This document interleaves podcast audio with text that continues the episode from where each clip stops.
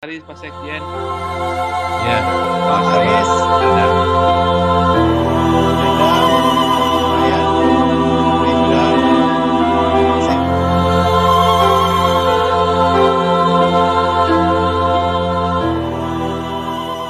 Ayo, Mas Alvin. Oke, Kok ada belakang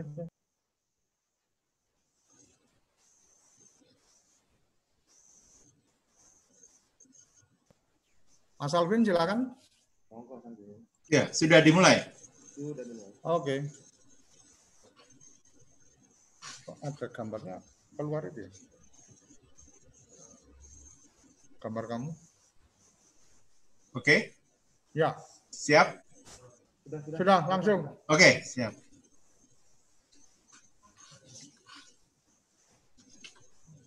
Assalamualaikum warahmatullahi wabarakatuh. Om Swastiastu. Salam sejahtera bagi semua kerabat desa.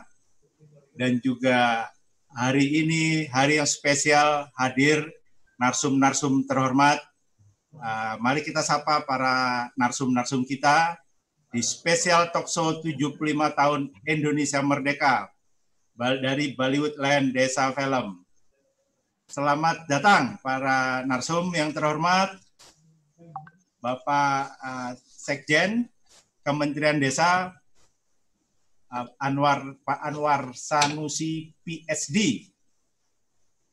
Selamat datang Bapak Sekjen. Selamat datang. Selamat Ya. datang.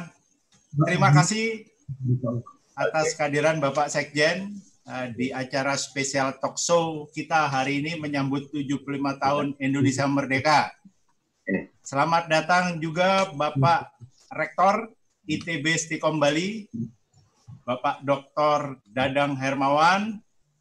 Terima kasih atas kehadiran di hari ini. Selamat datang Bapak Dr. Aris Mufti dari founder Gerakan Desa Emas dan juga beliau ini dulu uh, sempat bikin presiden dan komisaris beberapa BUMN. Selamat datang Pak Nendra Winaya, CEO Smack Division Bali. Terima kasih. Kamu Masih. Uh, hari ini bajunya keren, paling keren ini. Ya. Dan selamat datang Bapak Perbekal Iwayan Sutama, SSSN. Nama desanya cukup panjang, uh, tapi kalau disingkat uh, ADYC atau Desa Abien Semal Dauyeh Cani, tepat di jantung Pulau uh, Bali, di tengah-tengah Pulau Bali. Selamat datang Pak Perbekal. Uh, Pak Perbekal, oke, ya. Mari kita sapa bersama. Uh, kalau di TV Desa ini, pemirsa kita sapa dengan uh, kerabat desa. Ya, jadi kita sudah uh, satu kerabat kerabat desa Nusantara, selamat datang juga karena acara ini ada di dalam Zoom, ada juga yang sudah hadir di dalam Zoom saya lihat. Terima kasih. Acara ini disiarkan juga secara langsung live di satelit Merah Putih dan uh, satelit uh, Nusantara, uh, Telkom dan Indosat secara live. Uh, semoga hari ini kita bersama-sama bisa memberikan uh, sumbangsi pemikiran yang bermanfaat untuk Indonesia 75 tahun Indonesia Merdeka. Mengawali uh, talkshow spesial ini, ya nanti kita akan berbincang santai juga sesama uh, tamu di sini, ya kita juga bisa saling berbincang dengan santai. Uh, kita ingin mengawali tentunya dengan uh, tamu kehormatan kita, Bapak uh, Sekjen Kementerian Desa dan PDTT, Pak Anwar Sanusi PSD. Selamat datang Bapak. Selamat datang. Sehat, sehat selalu semoga. Terima kasih. Eh, sehat selalu Mas Arvin. Terima kasih. Ya, terima kasih hari ini. Ya, Bapak, eh, Oke. seperti kita ketahui bahwa di Indonesia, ya ada yang menyebut ya saya pernah mendengar itu apa negeri udik ya.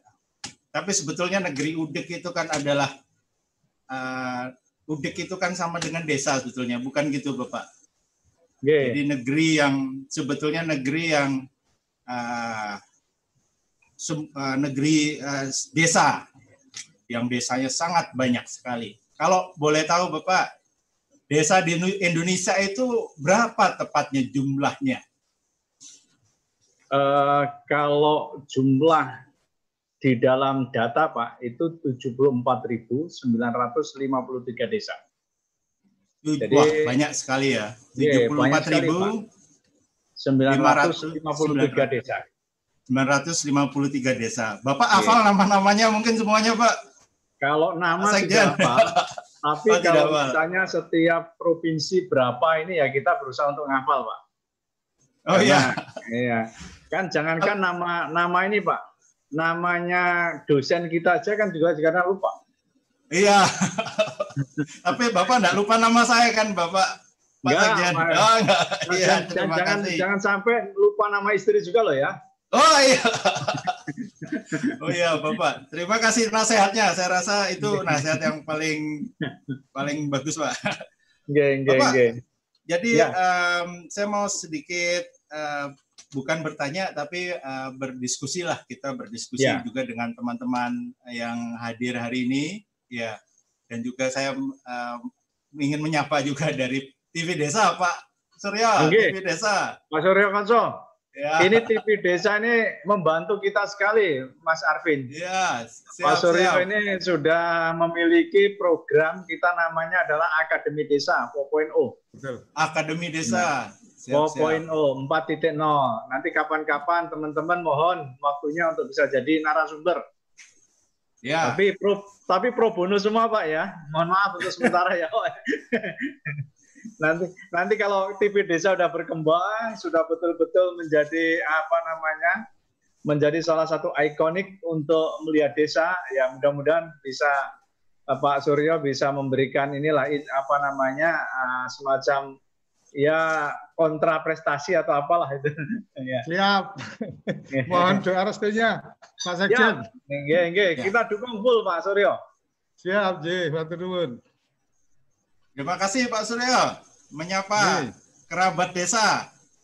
Ya. Pak Sekjen, ya. Nih. Hari ini tema kita adalah peran tetrahelik di dalam menghadapi tantangan baru membangun desa. Ya. Jadi uh, tamu-tamu kita di sini uh, kita buat lengkap.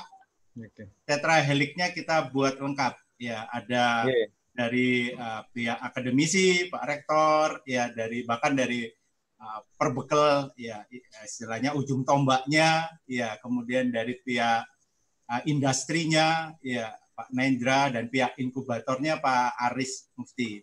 Jadi kita buat lengkap dan juga ada pihak media ya Pak Surya pihak, pihak media ya, dan juga ada Desa Film Bollywood Land. Nah, uh, seperti kita ketahui bahwa di dalam uh, pemerintah desa itu ada banyak kewenangan.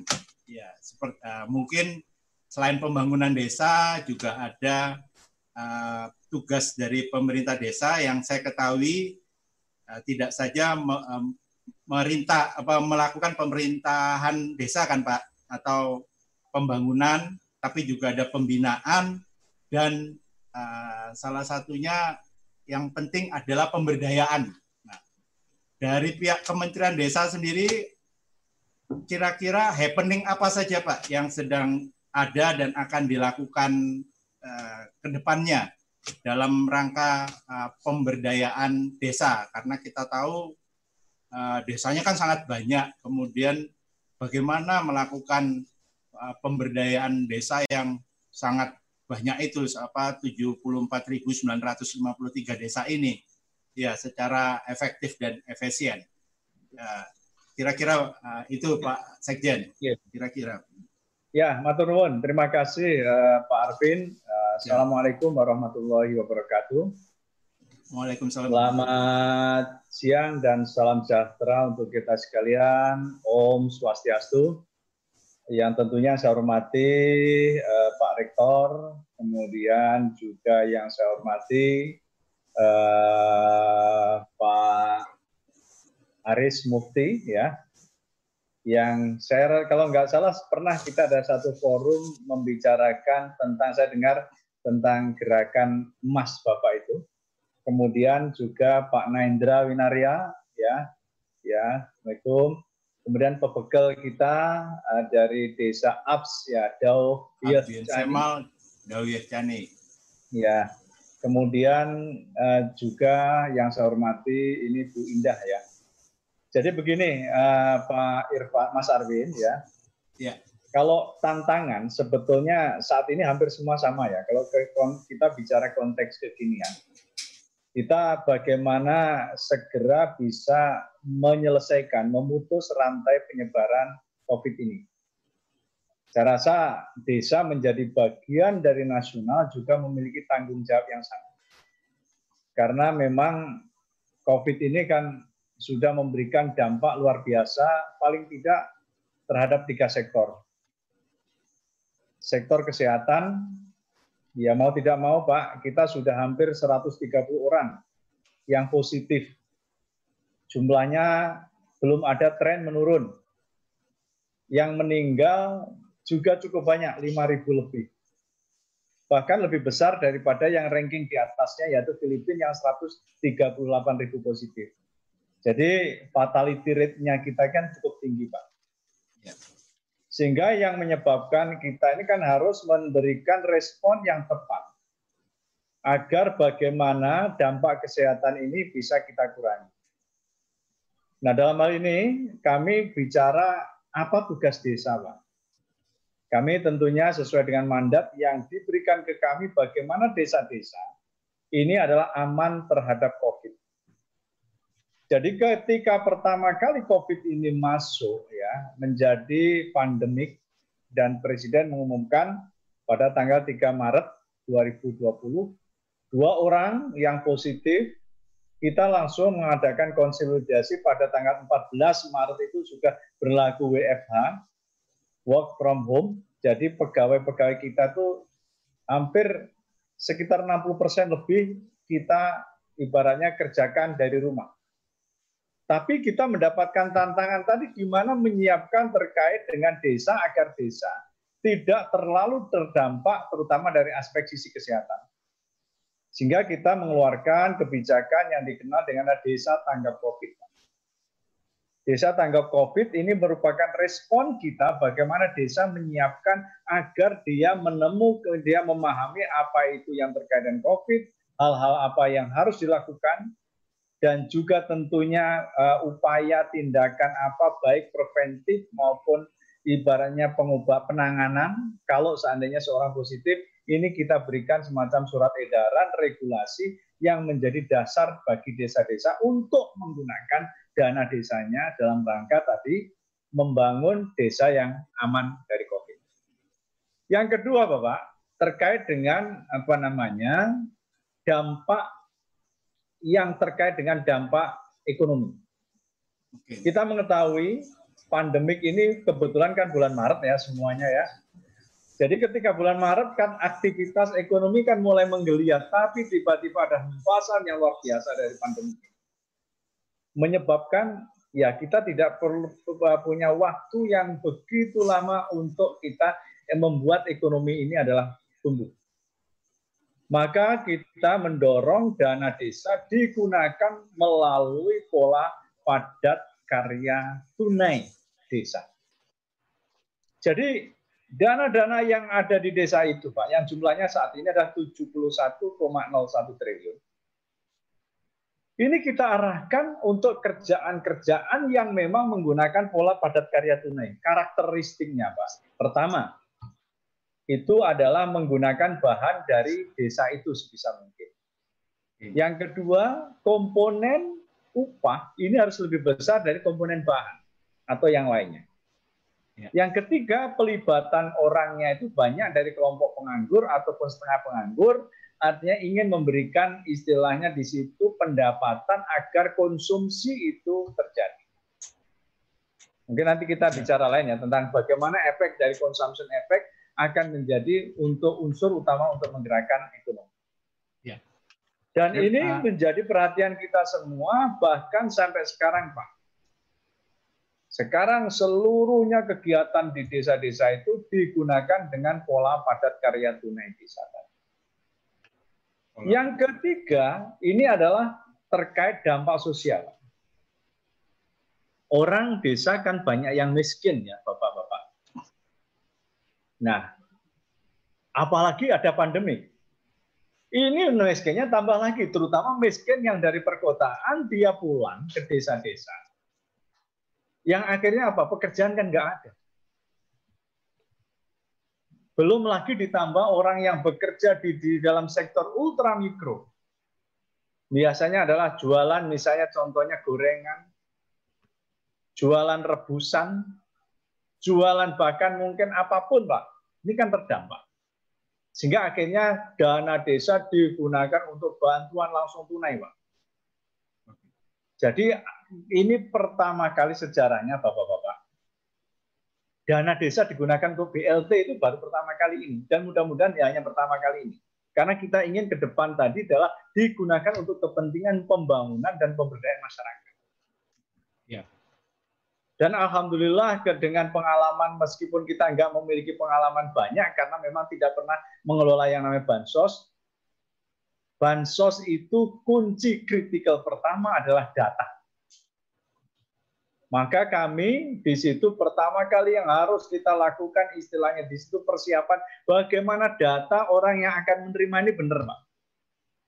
Saya rasa Bapak-bapak semua sudah mengenal namanya exclusion dan inclusion error.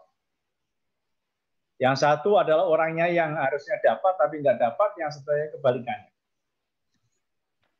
Nah, makanya pendataan kita mulai dari RT, Bapak-bapak, dan yang mendata adalah relawan masyarakat yang ditunjuk oleh kepala desa dan melibatkan RT.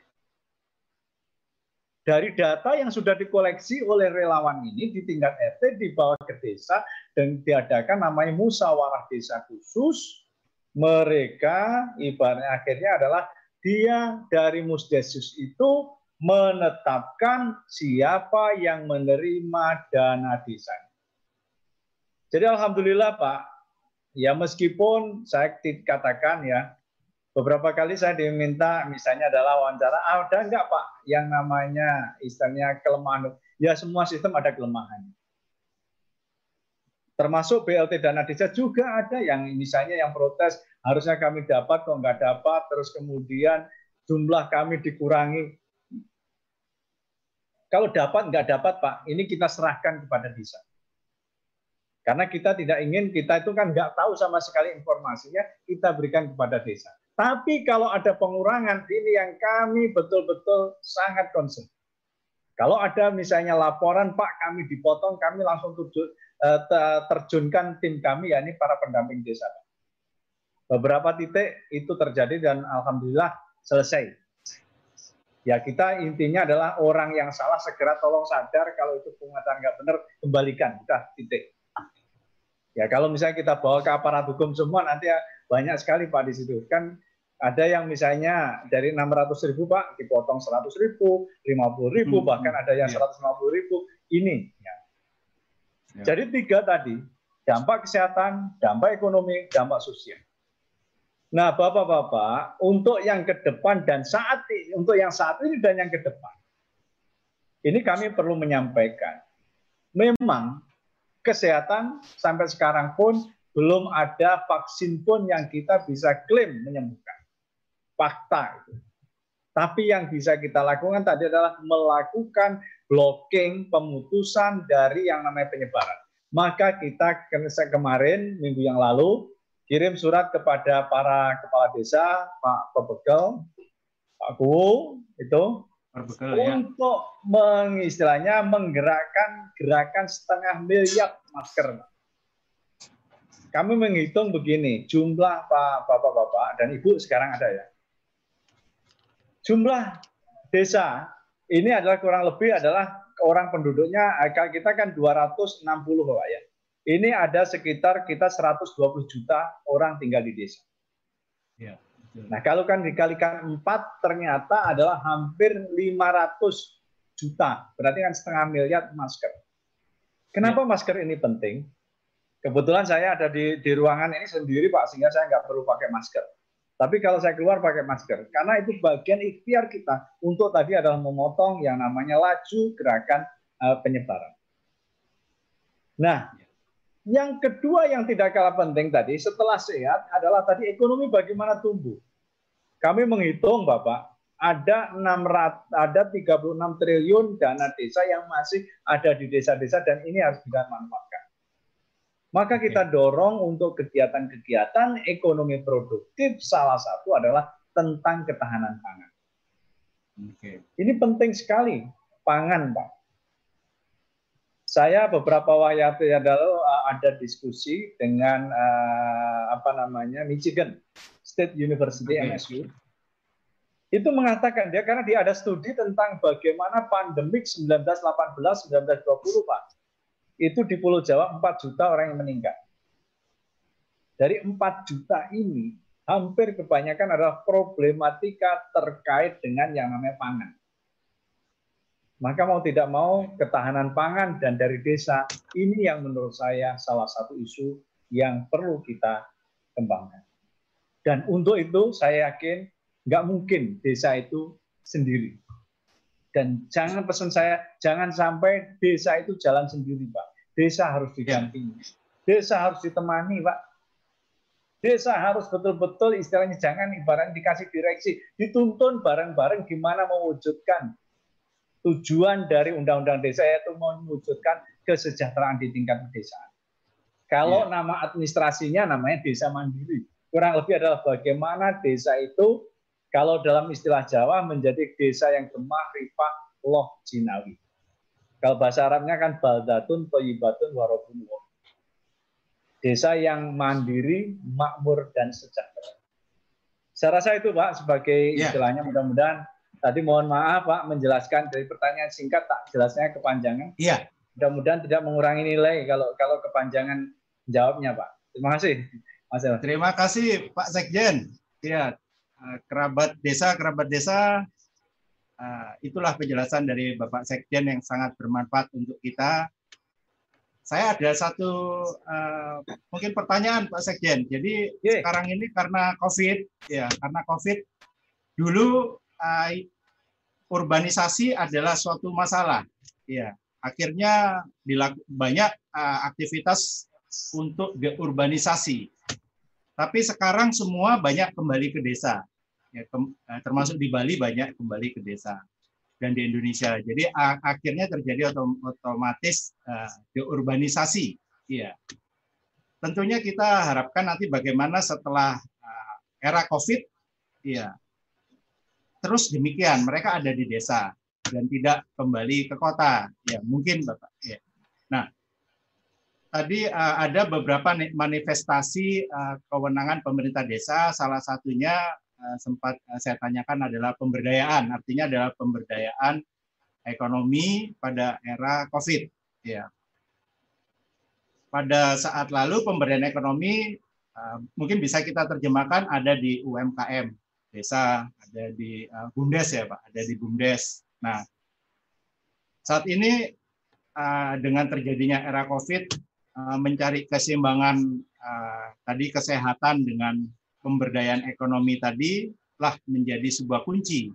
Ya, yang kira-kira bagaimana ke depan Bapak apakah bisa uh, misalnya diwacanakan sebuah uh, gerakan apa desa industri semisal. Jadi akhirnya nanti pada selesai Covid ini mereka tidak tidak kembali ke kota tapi tetap di desa ya. Mumpung semuanya akhirnya sekarang kembali ke desa. Ya, karena Covid ada hikmah uh, deurbanisasinya uh, berjalan. Ya tapi uh, bagaimana ke depan uh, akhirnya desa ini menjadi sebuah gerakan yang luar biasa menjadi suatu sentral industri bersama satu Nusantara dan akhirnya sentral ekonomi Indonesia itu juga bisa di desa. Jadi bagaimana menyeragamkan mungkin atau bahasanya bagaimana menguniversalkan pemberdayaan masyarakat desa se Indonesia akhirnya bisa menjadi Eh, desa industri. Apakah itu mungkin? Dan kemudian uh, bagaimana? Apakah nanti ada kalau antar kementerian kan Pak? Kalau saya lihat ada kementerian Pak Sekjen ada apa? Kementerian Industri ya, Kementerian Industri. Ya, apakah apakah desa industri itu juga menjadi wilayah Kementerian Industri? Ya, tapi menurut Undang-Undang Desa 2014 ya kalau tidak salah ya nomor 6 ya. Uh, ke, pemberdayaan ekonomi itu uh, sepenuhnya ada di uh, Kementerian Desa yang saya pahami. Tapi untuk gerakan urbanisasi ini, jadi pemberdayaan ekonomi terus berjalan, tidak hanya pada saat uh, COVID atau selesai, bagaimana juga selesai COVID uh, dipertahankan, ya. Dan akhirnya urbanisasi itu ya, the urban terus jalan. Kira-kira itu Bapak, kira-kira bagaimana Pak Sekjen ada gambaran sebelum saya menanyakan teman-teman lain. Ya. Terima kasih. Ya, makasih Mas Arvin. Pada poinnya kan gini, bagaimana menahan istilahnya para pemudik ya siap, siap. atau yang pulang kampung ini tidak kembali lagi. Mereka akan betah tinggal di desa dan tentunya dia menjadikan desa sebagai tempat yang memberikan harapan. Betul, betul. Nah, ini yang penting, Pak. Karena kalau tidak ada harapan, saya rasa kita bagaimanapun susah untuk menahan mereka ini tinggal lebih lama di desa. Ya. Nah, harapan-harapan ini yang menurut saya yang sedang betul-betul kita coba cari bersama. Ya. Bagaimana mereka tetap betah dan bahkan dia tadi setelah betah dia bisa melihat peluang-peluang dari desanya untuk memberikan topangan bagi kehidupan dia. Saya rasa kalau petani saja, kalau petani polanya masih seperti sekarang, Pak, ini akan betul-betul orang tidak tertarik untuk menjadi petani di desa. Baik dia sebagai owner, pemilik tanah, maupun dia sebagai istilahnya adalah sebagai penggaduh, ya. Ini dua-duanya adalah sulit, Pak. Karena memang apa? Yang namanya biaya komponen biaya produksi ini tidak terhitung misalnya uh, secara tepat. Bahkan kita sebagai misalnya adalah pekerja yang melakukan pekerjaan itu tidak pernah kita hitung yang namanya upah terhadap diri kita sendiri. Kalau dihitung malah minus Pak. Nah kalau seperti ini jelas dia nggak akan betah, nggak akan mau tinggal lebih lama. Apalagi di dalam kehidupan kehidupan saat ini ada kebutuhan-kebutuhan formal yang harus dikeluarkan yang tidak bisa di-cover dari yang namanya tadi eh, penghasilan dari petani. Contohnya biaya sekolah, Pak. Biaya kesehatan. Sehingga mau tidak mau kami berpikir, Pak, di mana membuat tadi desa-desa ini ya desa-desa ini adalah memiliki nilai ekonomi yang semakin baik. Oke. Semakin bertambah. Mungkin gini Pak, saya akan sedikit share saja terkait dengan hal yang uh, apa namanya uh, tadi pernah kita beberapa kali dengan Pak Surya saya melakukan diskusi. Ini misalnya tantangan-tantangan pedesaan. Kenapa tadi saya katakan desa-desa ini nilai eko apa namanya istilahnya rendah sekali pak dari sisi katakanlah nilai ekonominya. Karena apa? Biaya produksi selain dari ya apa namanya sangat tinggi. Contohnya adalah untuk transportasi. Karena apa? Konektivitasnya yang masih menjadi persoalan. Orang untuk misalnya ya untuk dia membawa hasil produk dari yang namanya produk produk pertanian ini, dia butuh waktu yang lama. Karena konektivitas. Yang kedua adalah banyak usaha-usaha tani di tempat kita tadi, Pak. Ini adalah belum istilahnya memperpanjang dari mata rantai yang tadi adalah produksi. Jadi setelah dia panen langsung dijual, Pak. Padahal nilai harga pas apa namanya setelah panen dengan setelah dia ada sedikit olahan saja akan berbeda. Maka kita dorong sebetulnya bagaimana usaha-usaha pasca panen ini bisa mulai menjadi prioritas bagi desa maupun kawasan perdesaan. Makanya ini konsep yang pentahelik, tetrahelik, triple helik, apa pun lah yang istilah menggambarkan yang adanya partnership. Ini menjadi sesuatu yang sangat penting, Pak. Usaha pasca panen apa pun bentuknya sesuai dengan komoditas sangat diperlukan. Dan menurut saya, kalau itu semua dilakukan oleh pemerintah, apalagi pemerintah desa, nggak mungkin. Makanya yang harus kita lakukan adalah bagaimana tadi saat ini yang kami lakukan, Pak kita memiliki pemetaan terkait dengan potensi dan komoditas atau salah satu di dalam potensi itu adalah komoditas pedesaan yang bisa dikembangkan. Kalau ada intervensi dari pihak ketiga untuk menciptakan yang tadi istilahnya adalah usaha-usaha pasca panen. Saya yakin Pak, kalau usaha-usaha pasca panen ini tumbuh, akan ada variasi pekerjaan di tingkat pedesaan saya tumbuh dan kembang di desa, Pak, kebetulan Pak. Ya. Ketika oh, di desa mana, saya Pak? ada yang namanya kalau kami disebut mungkin sekarang istilahnya RMP ya, Rice ya. Mills Plan atau RMU unit. Kalau di tempat saya namanya Selepan, Pak, itu adalah mesin untuk untuk apa namanya gaba itu. Itu ternyata sudah menciptakan banyak pekerja. Dan mereka kayaknya lebih proud, lebih bangga mereka bekerja di situ daripada ke sawah. Belum lagi yang lainnya. Makanya ini adalah kami melihat ini sesuatu yang harus kita tingkatkan untuk tadi membuat yang namanya orang apa orang mau betah tinggal di desa. Saat yang ya. bersamaan kita juga harus ada upaya peningkatan SDM perdesaan. Hari ini momentum ya. juga sebetulnya. Ya. Momentum semua mau daring, daring, daring semua. Kita sudah berpikir yakni adalah membangun Akademi Desa 4.0 pembelajaran lewat online untuk peningkatan SDM perdesaan. Kita tidak yang mengejar untuk pengetahuan, Bapak-bapak dan Ibu, tapi ada keterampilan yang dibutuhkan untuk desa-desa itu bisa mengolah potensi yang ada. Jadi kalau di tempat saya di Ponorogo itu ada namanya tumbuhan namanya porang. Saat ini saat ini jadi primadona, Pak. Ya. Nah, orang ini kalau seandainya ada tempat misalnya di situ olahan untuk mengolah dan kemudian ada kapasitas SDM yang bisa memisahkan agar yang namanya racunnya bisa dikeluarkan, saya rasa akan memiliki nilai tambahnya. Gitu.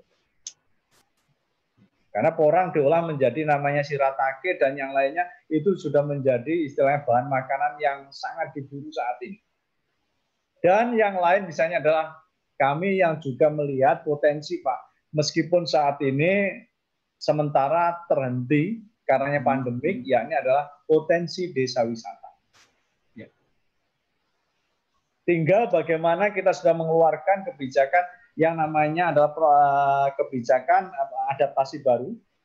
Hmm. Nah, ini mudah-mudahan bisa menjadi sebagai terobosan kita untuk mulai menggeliatkan Perekonomian berbasis wisata karena dia mengetahui protokol-protokol kesehatan uh, di masa pandemi. Dan juga ini tantangan juga adalah digitalisasi desa. Bapak-bapak, ini kita PR bersama juga. Saya juga mungkin terkait dengan ini kita bisa diskusikan khusus bagaimana digitalisasi. Faktanya, Pak, masih banyak ya. Masih kalau yang yang sampai 4G itu 3.000 30.000 desa yang belum teralih. Oh. Dan ini tantangan kita semua. Saya rasa itu Pak Irfan merupakan apa yang bisa apa namanya merespon dari pertanyaan Bapak tadi. Ya, terima kasih Pak Sekjen. Nanti kita lanjut lagi. Saya akan ke teman-teman yang lain dulu. Juga nanti akan bertanya kepada Pak Sekjen. Sesuai tema hari ini uh, adalah tetrahelik uh, membangun bersama uh, desa digital dan desa wisata Kuncinya nah, mungkin tadi saya tangkap dari Pak Sekjen, bagaimana kita uh, berhasil menjadi sebuah desa industri. Ya, jadi uh, masyarakat yang kembali ke desa saat ini akan betah selamanya dan tidak kembali ke kota. Jadi sekarang adalah momen penting sebetulnya untuk uh, melakukan yang kita sebut dengan uh, transformasi uh, global, ya, bukan transformasi semu. Kalau transformasi semu kita setback kembali ke masa lalu, tapi transformasi global kita menuju masa depan, tapi juga harus ada inovasi-inovasi yang tadi disampaikan Pak Sekjen. Uh, saya melihat di sini tadi ada dua permasalahan sebetulnya uh, bagaimana menjadi sebuah desa industri, jadi uh, masyarakat betah di desa tidak kembali ke kota lagi setelah selesai COVID. Pertama adalah problem dari uh, supply chain, ya supply chain uh, mata rantai. Saat ini produk desa, misalnya kalau ada petani uh, kalau di Bali misalnya petani salad, tapi tidak langsung sampai di hotel, uh, sampai di uh, pihak ketiga, keempat, lima, dan seterusnya. Jadi harganya tidak dinikmati. Ya. Dan kemudian uh, kedua mungkin adalah masalah uh, apa, problem inovasinya sendiri. Kalau inovasi saya rasa itu terkait dengan uh, knowledge. Ya. Uh, pasti uh, ada ada vokasi vokasi yang harus kita lakukan uh, menuju desa industri. Nah ini ini saya akan ke Pak Rektor langsung kalau dari sisi uh, vokasi uh, kebetulan uh, Pak Rektor uh, Dr. Dadang Hermawan adalah uh, rektor di Bali Universitas swasta terbesar dengan murid uh, student sekitar 10.000 ya Pak Dadang. Nah, Pak Rektor ya, sekitar itu. Nah, kebetulan juga membangun sebuah college, membuka college di desa. Ya. Dan juga SMK SMK IT yang menyebar di banyak desa di Bali. Nah, ini juga mungkin menjadi uh, poin krusial bagaimana akhirnya vokasi-vokasi itu penting untuk membangun uh, skema industri tadi ya dari dari pengetahuan lah. Akhirnya semua semua apa ya semua tersolusikan. Ya silakan eh, kira-kira apa pandangan dari bapak rektor uh, terhadap uh, masalah problematika mewujudkan sebuah desa industri tentunya dengan memanfaatkan momentum COVID ini. Sebetulnya momentum paling pas karena semua SDM uh, kembali ke desa dan desa bisa membangun uh, secara optimal. Silakan Bapak Rektor, uh, Pak Dadang, Dokter Dadang. Terima kasih. Mas Arvin. Ya. Yang saya hormati Pak Sekjen uh, Anwar Sanusi. Uh, kalau nggak salah uh, kita satu grup nih Pak Sekjen di grup Indonesia Maju apa yang dengan Ye, jejaring Indonesia Pak. Ah, saya lihat. Ya. ya, Mufti Pak Aris Mufti. Ya. Apa kabar Pak? Sudah lama nggak ketemu nih Pak Dokter Aris Mufti. Dan juga uh, ada dari Abian Semal nih rupanya nih. Ya, Bapak Wayan Sutama. Ya, Pak Sutama, apa kabar nih?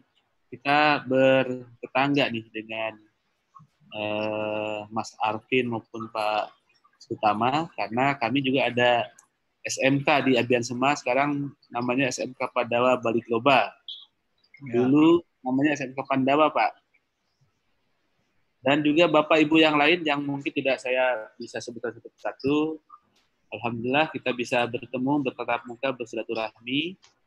Dan saya sedikit ber eh, apa ya berpandangan bahwa eh, selama ini ya pola pendidikan di Indonesia itu uh, keliru ya keliru kelirunya bagaimana yeah. mm-hmm. kelirunya itu semua masyarakat Indonesia termasuk masyarakat di desa nih Pak Sekjen Pak Aris seolah-olah semua harus masuk ke perguruan tinggi uh, akademik kalau kalau dulu ya kalau sekarang alhamdulillah sudah dipisah jadi uh, para masyarakat kita itu didorong semuanya untuk menjadi akademisi menjadi S1 kemudian seperti bapak-bapak di dari adalah menyangkut tentang kendali seluruh kebijakan yang sudah dikeluarkan oleh Kemendikbud. Apakah sudah dokumentasi dengan baik selama jawabannya belum. Halo, halo. Tentang, tentang tentang dinas-dinas Oh ya, baik. Iya. Ya. Silakan Pak Rektor.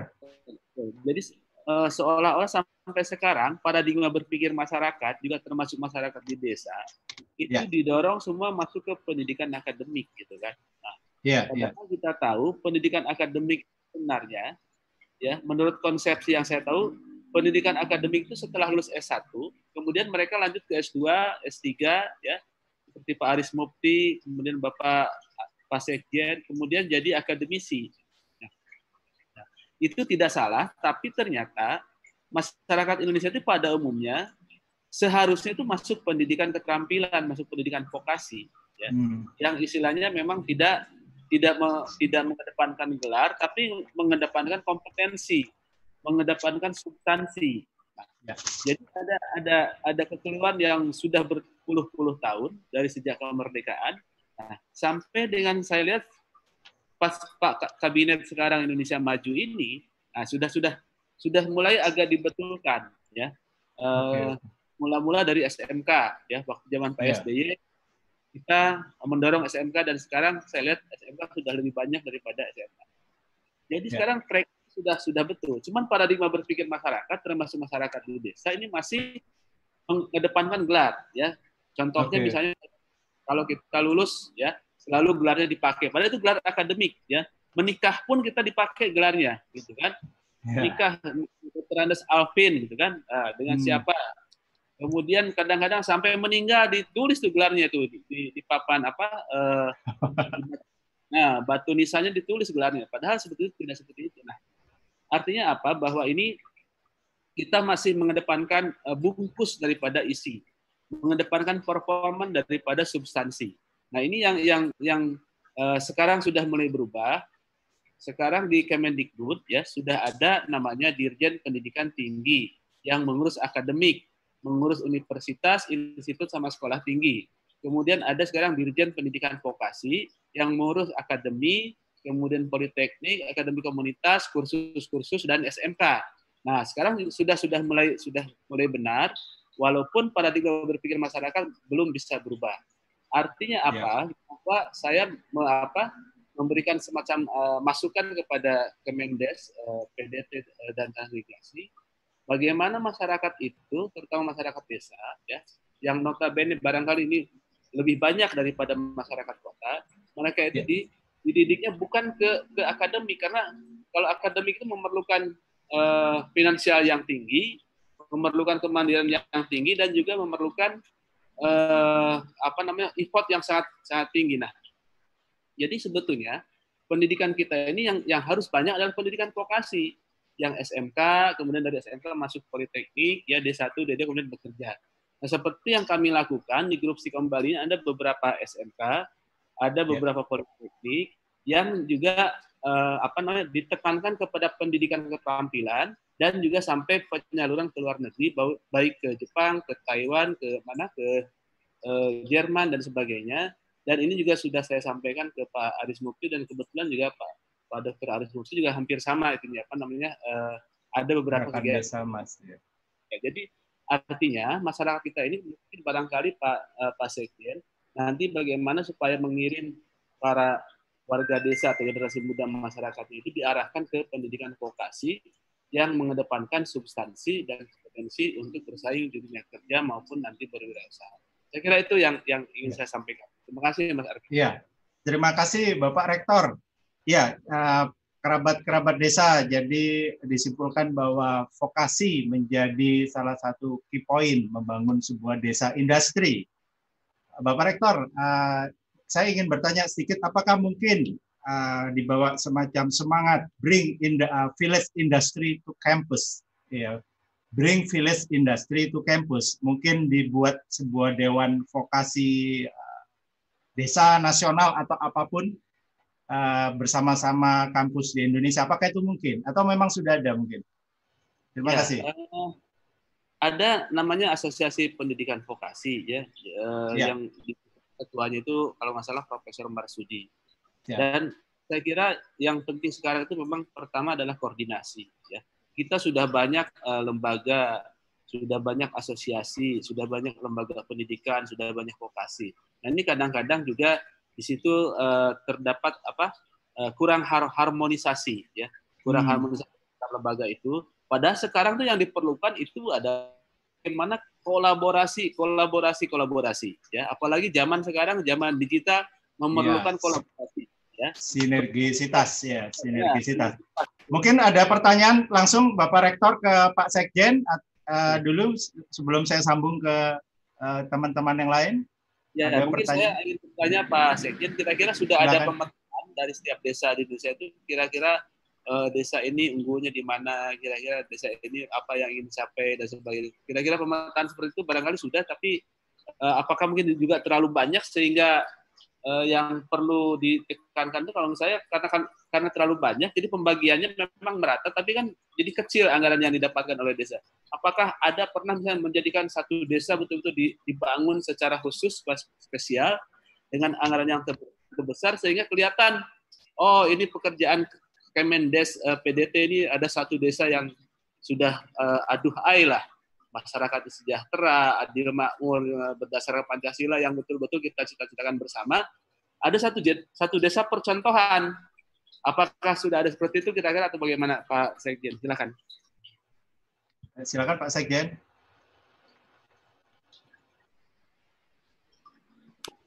Terima kasih Pak Rektor. Uh, jadi begini, uh, dua tahun belakangan kemarin, kita ini memiliki program namanya program inovasi desa, Pak. Nah, memang betul kalau dana desa ini kan ya meskipun kalau dilihat total itu besar, tapi kalau dilihat per desa kan jadi kecil, Pak. Di bawah satu miliar lah rata-rata, meskipun ada yang juga di atas dua, tiga, bahkan ada yang empat miliar. Tapi dengan kecilnya itu, tentunya kalau apalagi prioritasnya itu banyak, akhirnya kan disebar. Sehingga kami mendorong namanya itu waktu itu PID, Pak, Program Inovasi Desa. Yang memang kita jadikan sebagai cara untuk membangun desa-desa yang akan bisa jadikan referensi, rujukan bagi desa yang lain. Nah, caranya gimana? Ya tentunya harus ada usaha dorongan kuat, big push terkait dengan uh, desa tersebut. Nah, big push ini kita berikan dalam bentuk insentif anggaran yang memang sesuai dengan proposal. Kebanyakan memang untuk membangun desa wisata, membangun yang namanya uh, produksi uh, tingkat tingkat kecil yang dikelola oleh BUMDes cukup banyak, Pak. Kami ada datanya terkait dengan itu. Dan ini sebetulnya yang akan terus kita dampingi agar menjadi percontohan bagi desa-desa yang lain. Bahkan sampai ibaratnya kalau desanya ini bumdesnya bagus, Pak. Tahun yang lalu mereka kita kirim ke negara-negara lain untuk mendapatkan pembelajaran. Ada yang kita kirim ke Cina, ada yang kita kirim ke Korea, ada yang kita kirim ke India, ada yang kita kirim ke Malaysia, ada yang kita kirim kita kirim ke Okay. Mereka kita harapkan sebagai champion-champion yang akan menjadi tadi pengelola inovasi di tingkat desa. Tapi itu masih jumlahnya di bawah seribu, Pak. Pada jumlah desa kita kan banyak. Jadi ruang-ruang untuk kerjasama, ruang-ruang untuk bareng-bareng kita dampingi, ini masih sangat terbuka. Nah ini hadir di sini Pak eh, para apa namanya, kalaupun mungkin nanti saya nggak bisa melanjutkan, ada di sini ada Pak Sigit, ini Sesdirjen, ada Pak Farid, ini adalah ya, sebagai siap. kepala PLH Kepala Biro Hukum, ada Pak ya. Derajat Direktur, ada Bu Dewi sebagai Direktur. Wah, ya nanti ya, silakan kasih, kalau misalnya bisa. diskusi teknisnya bisa dilanjutkan. Nah, toh ya. juga nanti akan kita ketemu Pak Arvin dalam siap siap Pak Sekjen yang lainnya ya. Siap nah, Pak Sekjen, terima kasih. Itu dulu yang bisa saya sampaikan dan mohon izin kalau diperkenankan saya pamit nanti kalau teknisnya teman-teman yang akan mengawali dan uh, mudah-mudahan diskusi ini bisa terus kita jadikan sebagai semacam apa ya namanya uh, lunch uh, box discussion ya. Siap. Jadi kalau namanya kalau Terima saya kasih, dulu, ya di, di Jepang itu ada namanya lunch box discussion itu nggak usah lama-lama Pak. Jadi ya. sambil kita makan siang, ada yang ngomong. paling Ya. satu setengah jam setelah itu selesai tapi rutin itu lebih baik. Ya. Oke, demikian terima kasih Pak. Terima kasih Bapak Sekjen kehadiran hari ini. Terima Ye. kasih. Pamit nggih. Assalamualaikum. Waalaikumsalam warahmatullahi wabarakatuh. Ya, demikian dari Bapak Sekjen, Pak Anwar Sanusi PSD. Banyak sekali kita menerima wejangan, pengetahuan, masukan hari ini. Terima kasih Pak Sekjen. Dan selanjutnya Pak Sekjen akan diteruskan oleh rekan di Kementerian Desa. Ya, eh, saya akan kembali kepada rekan teman-teman eh, narsum semua hari ini, eh, khususnya Pak Aris Mufti, Dokter Pak Dokter Aris Mufti. Selamat siang Pak Pak Aris Mufti, Pak Pak Aris. Selamat siang Mas Alvin. Selamat siang. Ya, tadi Pak Sekjen menyampaikan perihal desa champion. Ya, desa desa desa champion. Sangat banyak rupanya eh, potensi-potensi di Indonesia menjadi sebuah eh, desa champion. Tapi tidak cukup hanya dengan eh, satu program saja. Ya, tadi disebutkan antara lain ada TED program atau program inovasi desa. Tentunya kita juga tidak saja membuka ruang sinergisitas dengan semua stakeholder pengembang desa, pembangun desa, tetapi juga pastinya kita melakukan studi-studi benchmarking kepada desa-desa di luar yang telah berhasil. Nah, saya di sini melihat uh, gerakan desa emas, ya banyak melakukan benchmarking kepada desa-desa di Korea untuk diterapkan kepada desa-desa inkubasi uh, di gerakan desa emas. Ya, mungkin nanti bisa diceritakan itu seperti apa dan bagaimana mewujudkannya dan bagaimana bisa sebanyak mungkin uh, kepada seluruh desa di Indonesia. Tentunya uh, saya melihat gerakan desa emas ini bukan melakukan sebuah edukasi politik, tetapi politik edukasi. Ya, bagaimana mengedukasi desa bisa menjadi sebuah desa champion. Ya, silakan Pak Aris Mufti, pendiri penggagas gerakan Desa Mas. Ada bahasa Koreanya juga, saya belum hafal itu. Ya, gerakan Desa Mas. Beliau juga uh, tim uh, Ken uh, presiden untuk periode yang lalu dan juga komisaris BUMN BUMN ya apa gar, apa saja Garuda PLN dan lain-lain itu. Ya, terima kasih kehadiran hari ini. Silakan uh, Pak Aris. Silakan. Baik, uh, saya langsung saja. Jadi gerakan Desa Emas itu namanya gerakan. Kalau gerakan itu berarti uh, kita menginginkan semuanya bergerak ya, khususnya okay. akar rumput ya. ya. Jadi itu yang disebut gerakan. Kenapa uh, desa? Karena kita tahu tadi Pak Sekjen mengatakan ada 74953 desa ya, jadi hampir 75 ribu sebetulnya itu karena kaitannya dengan dana desa. Kalau desa nggak karena desa, karena dia merupakan UPT itu enggak, itu lebih lagi. Kalau ditambah kelurahan itu jumlahnya hampir sekitar lebih dari 84. Ya. Nah, itu bisa desa, bisa kelurahan. Jadi poinnya kita tahu bahwa pemerintah maupun Kadin maupun yang lain menginginkan pada tahun 2045 Indonesia akan jadi Indonesia emas ya Indonesia emas 2043 ya 2045 di mana Indonesia menjadi negara nomor tiga. Hmm. Saya yakin yakin yakinnya itu akan terwujud Mas Arvin. Ya. Tapi pertanyaannya sekarang pun kita posisinya di 75 tahun kemerdekaan posisi kita kalau nggak salah sudah di nomor 15 ya dari uh, apa G20 mungkin nanti akan 14 terusnya itu bisa tercapai dan akan tercapai. Cuman pertanyaannya, pada saat nanti kita 100 tahun, desa kita seperti apa, dan yang paling penting warga desanya seperti apa. Karena pada saat ini, walaupun kita 75 tahun merdeka, posisinya, ambisinya sudah akan menembus nomor 14 di G20, tapi kan kenyataannya kita desa yang mandiri, tadi Pak Sekjen bilang beberapa. Ya. Lalu kalau kita melihat angka kemiskinan walaupun menurun seperti apa. Kesenjangan kita tahu ya. Lalu harusnya warga desa yang memiliki tanah rata-rata mereka cuma uh, petani penggarap ya. satu persen menguasai 74 persen lahan kehutanan. Nah ini yang kita nggak mau ya sehingga uh, kita menginginkan Indonesia emas 2045 tetap ada konglomerat nggak ada masalah usaha besar ada tapi tolong jaraknya antara usaha besar konglomerat dengan warga desa itu, itu tidak terlalu. Nah kalau dia sendiri-sendiri nggak mungkin. Nah inilah yang kita sebut sebagai gerakan desa emas adalah partisipasi agar tadi yang Mas Alvin bilang setiap desa memiliki industri. Jadi satu desa satu industri. Okay. Industrinya bisa macam-macam. Sumber daya yeah. alam kita kan kuat. Ada agro, yeah. ada marin, ada kria. Bahkan kita menginginkan ada desa-desa yang memiliki industri film ya, kayak di yeah. India Bollywood atau di uh, apa namanya Nollywood tuh di di Nigeria.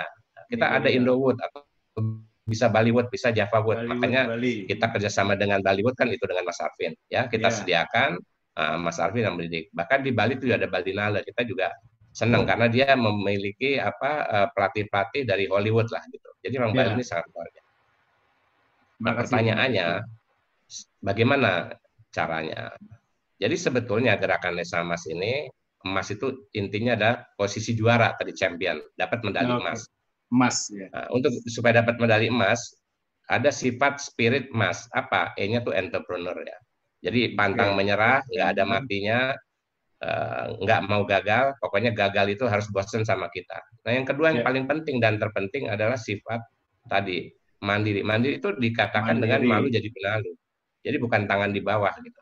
Oke. Okay. Bahwa ada bantuan dari pemerintah, bansos dan lain itu boleh, tapi jangan itu menjadi sesuatu impian sehingga kalau nggak dapat pun jadi ngomel gitu kan kira-kira. Nah, yang paling iya, penting iya, ketiga, iya. udah miskin, kecil, mau sendiri-sendiri nggak mungkin. Jadi harus iya. berjamaah, harus berkolaborasi, harus bergotong royong. Jadi tiga sifat itu yang akan nanti membawa. Nah, pertanyaannya, apakah ada contoh seperti itu? Nah, ini di Lala, waktu saya jadi anggota KIN, uh, makanya uh, Presiden pergi ke mana-mana, termasuk pergi ke Korea Nah, kenapa ya. Presiden pergi ke Korea? Salah satu ternyata alasannya adalah mungkin kalau teman-teman di Kementerian Desa pasti tahu lah ya, bahwa hmm. pada saat tahun 2015 PBB atau UNDP itu mengeluarkan statement ya sekjennya bahwa bukan salah satu caranya tapi satu-satunya cara untuk hmm. negara-negara hmm. berkembang yang miskin ya untuk 17 SDGs-nya gunakanlah cara Saimaul Undong Iya, apa itu? itu singkatannya adalah gerakan masyarakat maju, eh maaf, gerakan masyarakat baru atau hmm. gerakan desa baru. Kenapa gerakan harus dipakai contoh Korea? Hanya itu. Karena Korea itu dua, ta dua hari lebih dulu daripada kita merdeka. Jadi sama-sama ya. tuaan dia dua hari. Dulu ya. dia negara nomor dua termiskin di dunia, negara tanpa harapan. Ya. ya. Dan saat ini kita ya. tahu ya dia apa GDP-nya 30 ribu, kita 4 ribuan ya. Berarti dia tujuh setengah kali lipat. Apa yang membuat dia berubah? Hmm. Nah, salah satu kenapa? Kalau secara data dulu dia yang dianggap sama World Bank negara tanpa harapan. Tapi kenapa tiba-tiba bisa berubah? Makanya di sana disebut sebagai the miracle of Han River. Jadi keajaiban Sungai Han. Karena tidak bisa diprediksi dengan data-data. Artinya kita okay, juga okay. bisa membuat keajaiban seperti itu. Nah, ternyata formulanya adalah karena pada saat tahun 70 setelah bencana alam, tahun 69 dia bencana alam nasional, desa-desa hmm. tergenang dengan air, terlockdown, yeah. ter-PSBB gitu. Bahkan ban, yeah.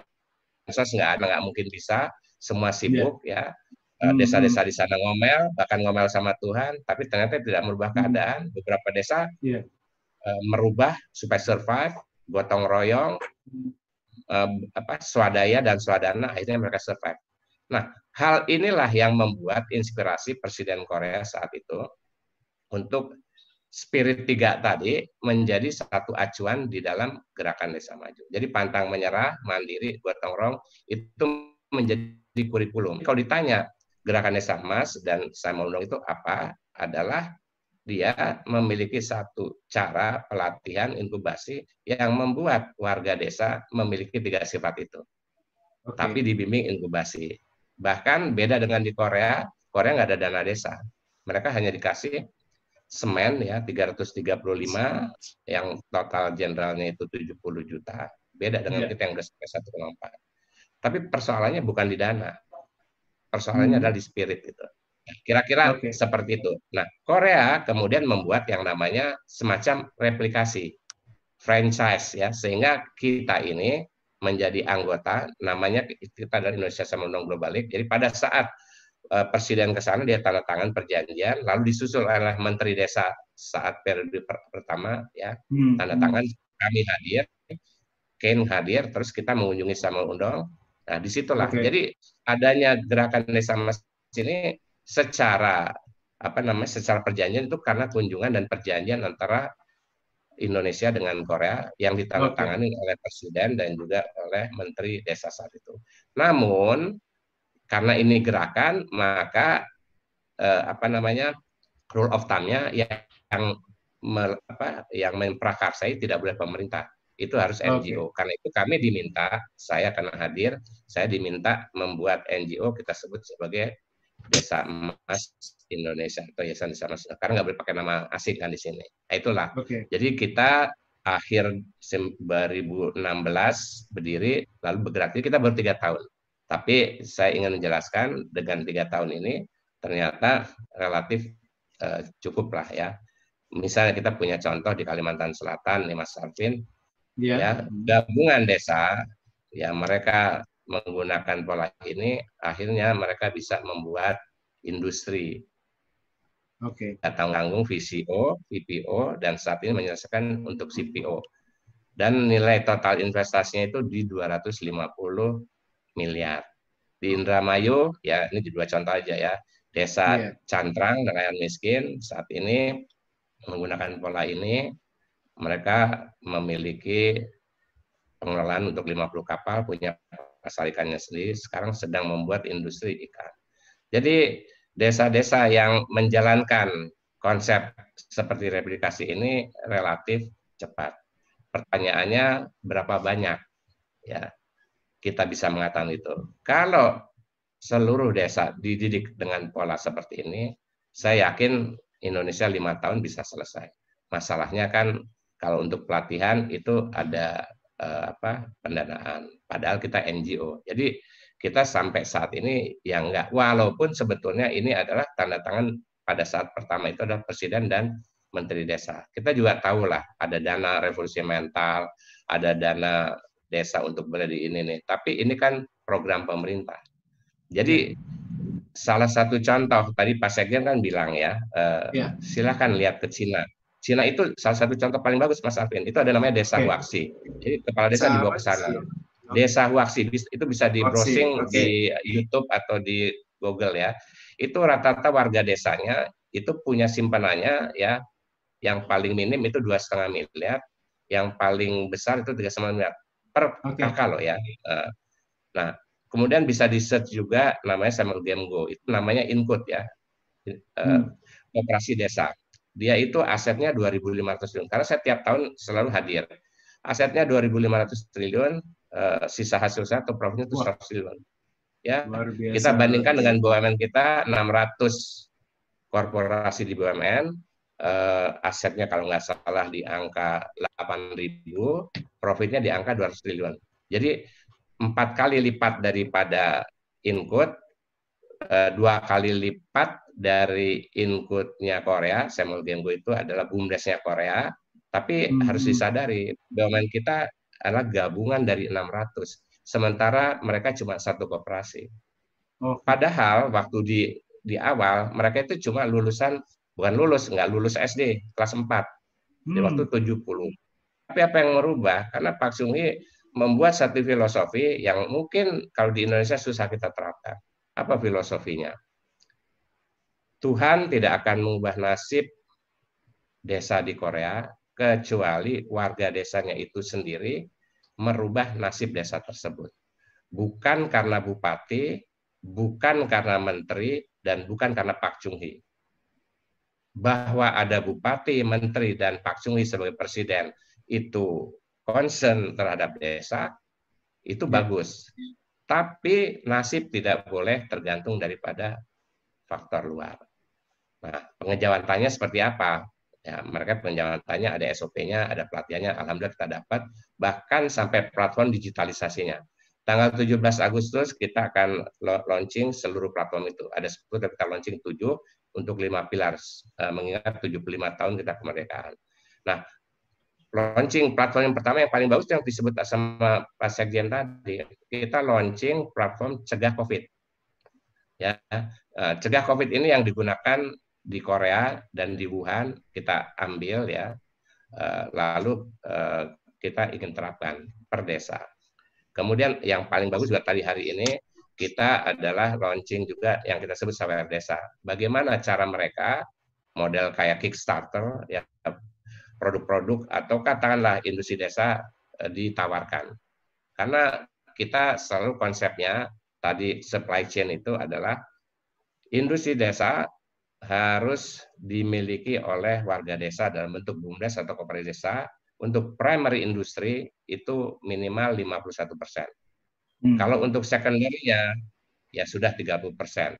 Kalau di angka tersier dan di atasnya lagi yang lebih canggih nggak apa-apa itu dimiliki oleh usaha besar, konglomerat, bahkan mau asing, mau asing nggak ada masalah. Tapi tolong desa dimiliki oleh seluruh desa dalam bentuk bumdes dan juga kooperasi memiliki itu.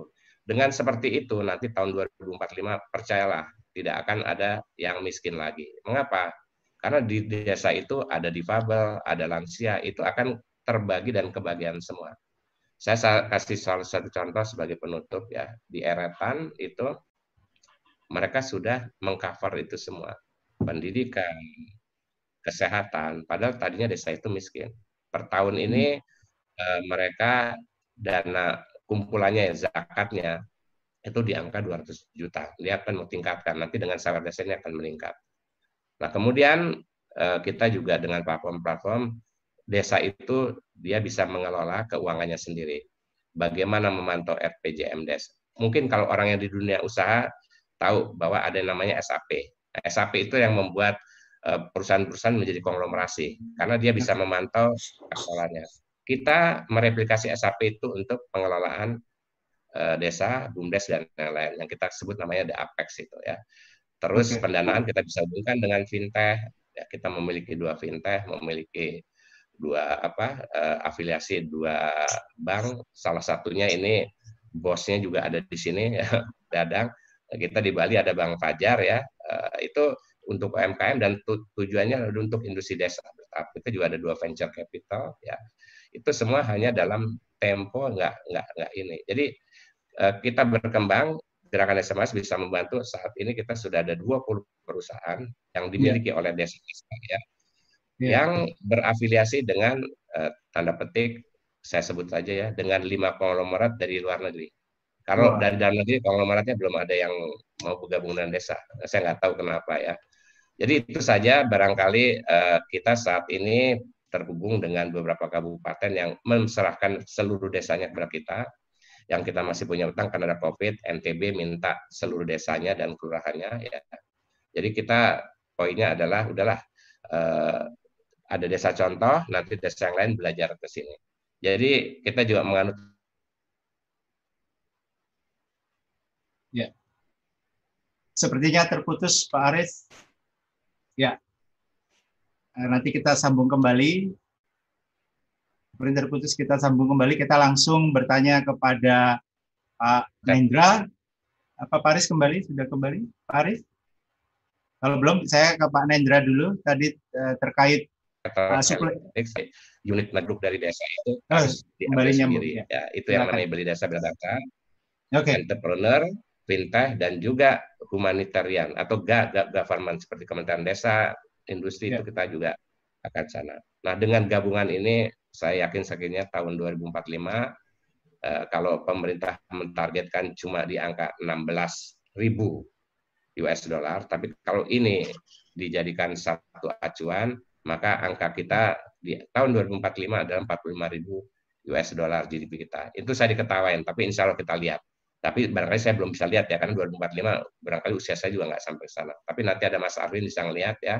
Mudah-mudahan di sini hadir ada Mbak Dona, ada Mbak Ika, itu para patriot bangsa yang nanti akan mewujudkan uh, mimpi kita bersama ini. Jadi Desa Emas akan membangun Indonesia Emas. Itu saja poinnya. Dan kembali salah satu uh, jagoan kita adalah industri film desa. Ya. Kenapa kita industri film desa? Ya supaya tadi kalau dia udah ada industri tapi nggak ada hiburan dia ke kota juga. Nah, karena itu di desa juga harus ada hiburan ya supaya dia juga bisa nonton sama. Kita bikin adanya namanya the movie ya, the flick dan kita ingin konten-kontennya nanti diisi oleh Bollywood ya dan di situ ada industri mas ya. Nah, itu nanti saya minta Mbak Indah ya membantu. Nah, ini tujuannya bukan apa-apa ya. Eh, industri desa harus menjadi satu guru daripada Eh, desa-desa itu sendiri. Saya kira itu saja barangkali mohon maaf kalau agak kepanjangan. Terima kasih eh, Pak Aris. Terima kasih masukannya sangat luar biasa. Eh, saya sepakat bahwa kita membangun bangsa lewat desa. Saya rasa semua di sini sepakat. Tapi bagaimana kuncinya bisa menjadi sebuah desa industri? Saya rasa semua desa harus berkolaborasi menciptakan suatu desa industri Nusantara bisa kita bayangkan jika satu desa industri saja memperoleh income, katakanlah satu triliun misalnya. Ada 5.000 desa menjadi desa industri, tidak perlu semuanya. Itu sudah berapa? Bisa sudah ribuan triliun. Jadi saya setuju bahwa kunci menjadi Indonesia emas 2045 desa menjadi uh, kuncinya. Nah, di sini kita uh, ingin bertanya dulu kepada Pak Aris. Ya. Korea, Korea Selatan adalah sebuah negara yang maju karena uh, desa tumbuh menjadi desa industri. Ada desa, bahkan di sana ada desa hardware ya, membuat chip-chip hardware oleh ibu-ibu rumah tangga. Saya pernah baca itu kebetulan. Tapi tentunya Korea Selatan ya, bukan bukan Korea Utara. Nah, sangat luar biasa kalau melihat tadi uh, pertumbuhan eh, desa-desa uh, di Korea Utara akhirnya menjadi penopang ekonomi nasional uh, Korea Selatannya sendiri. Nah, kita melihat bahwa pembangunan desa artinya uh, sebetulnya tidak saja kalau kita memikirkan uh, pembangunan desa pasti orang mikir wah ini bangun jalan, bangun jembatan, bangun pasar. Ya betul itu adalah bagian uh, pembangunan desa. Ya, tapi tentunya pembangunan desa harus diikuti oleh uh, manifestasi uh, pemberdayaan dan pembinaannya sendiri pastinya. Nah, mungkin itu yang saya lihat di uh, Korea Selatan bahwa uh, pembangunan itu tidak saja membangun fisik tapi juga membangun non fisiknya, bukan uh, begitu ya Pak Aris ya? Dan bagaimana mereka ya. berhasil melakukan pemberdayaan dan apa aspek uh, pembinaan masyarakat desanya. Nah, dan kemudian ada sebuah gerakan karena ini tidak tadi saya uh, saya lihat tidak karena gerakan bersama uh, pihak uh, luar di benchmark jadi harus NGO ya yang selaku manage, manage manajemen gerakannya ya. Jadi adanya manajemennya, adanya pembangunan uh, baik fisik non fisiknya, adanya pemberdayaan masyarakat desanya hingga pembinaan masyarakat desa yang semuanya terintegrasi. Saya lihat di di dalam keberhasilan um, Korea Selatan ya uh, di dalam keberhasilannya. Nah, gerakan desa emas sendiri pada saat melakukan benchmarking kepada Korea Selatan apakah sudah ada satu dua contoh yang berhasil melakukan integrasi uh, yang uh, saya sebut tadi bahwa tidak cukup hanya melakukan pembangunan, pasti ada empowermentnya, ya ada uh, pendidikannya, ya kemudian ada manage, managingnya juga. Nah, tadi sudah saya rasa cukup luar biasa tiga tahun sudah menginkubasi sekian banyak desa. Ya tentunya ini hal yang bagus untuk di apa ya disinergikan dengan seluruh desa bahkan mungkin bisa saja menjadi sebuah SOP desa industri tadi ya yang kita harapkan bersama membangun 5.000 desa industri kan luar biasa nanti untuk Indonesia. Silakan Pak Aris kira-kira. Ya, jadi kita ada lima pilar atau lima bina ya. Yang pertama dan paling utama adalah bina karakter ya dan insani. Jadi ini mencetak manusia unggul ya. Nah, karena itu uh, unik. Selalu kita minta kepada desa, kepada kepala desa, Kalau di Probolinggo okay. itu kita minta kepada bupatinya ya untuk 20 desa contoh itu kita kasih beberapa pertanyaan. Nanti dijawab oleh rembuk desanya. Jadi bukan hanya kepala desanya. Pertanyaan pertama adalah sebut nama lima pria dan lima perempuan usia produktif, warga desa, non partisan jadi tidak ikut partai, hmm. ya, yang sehat dan paling sedikit dosanya. Hmm. Paling sedikit dosanya itu simpel aja, dia tidak ikut molimo, ya, tidak molimo tahu ya kalau orang Jawa itu tidak mabok, tidak madon, tidak main, tidak ya, sesuatu yang di di Indonesia itu sesuatu yang biasa lah, tidak bikin ribut hoax ya. Yang kemudian yang kedua pertanyaan adalah yang biasa membantu masyarakat. Okay. Bergotong royong. Nah, makanya dia biasa nanti ada aktivis. Nah, yang ketiga yang memiliki sifat tangan di atas. Jadi bukan yang biasa minta sumbangan. Dan kadang-kadang ada aktivis yang biasanya mohon maaf nih ya, membangun rumah ibadah tapi uh, di pinggir jalan nah, itu kan itu hal-hal yang seperti itu uh, kita nggak mau karena itu mental. Kalau udah tangan di bawah kita susah mendidiknya. Nah begitu ketemu nama satu laki satu perempuan itu yang kita didik dan kita kasih ini pada pendidikan itu pendidikannya simpel mendidik leadership Simon leadership dan juga manajemen eh, apa Simon management atau Simon factory. Nah, itu menggunakan Sun Tzu model. Kenalilah dirimu, kenali lawanmu, kenali situasi. Makanya mereka harus tahu ya, karena kita kasih kalau sekarang udah pakai platform potensi desa. Kita tanya aja paling simpel. Karena nanti jawaban dari kepala desa dengan para patar desa itu beda. Coba sebut minimal tiga, maksimal lima ya kuliner desa yang yang hebat yang bisa dijual keluar. Sebutkan tiga lima budaya desa yang bisa dijual keluar. Sebut tiga lima katakanlah eh, kerja desa atau potensi desa wisata. Nanti akan jawabannya beda. Itu itu yang yang pertama. Nah, dari jawaban itu kita bisa mengolah. Kemudian yang kedua kita ajarin mereka membentuk komunitas pembangunan desa, mensinergikan karena kan kita tuh sistem Korea itu adalah integrasi ya, konvergensi, deregulasi, sama eh, inkorporasi. Jadi pembentukannya adalah apex apex model pengayom gitu. Ya, misalnya nanti dia mengayomi desa-desa atau kelompok usaha bersama yang ada di situ. Kalau saat ini jujur aja kita kadang-kadang menamaikan ya ada satu desa misalnya punya wisata. Nanti kalau ditanya siapa pengelola wisatanya itu, Kemendes mengatakan BUMDes, kan dia mengatakan dana desa. Kementerian Koperasi mengatakan ini kooperasi. Para wisata mengatakan nggak bisa, ini ada undang-undangnya, Kok Darwis.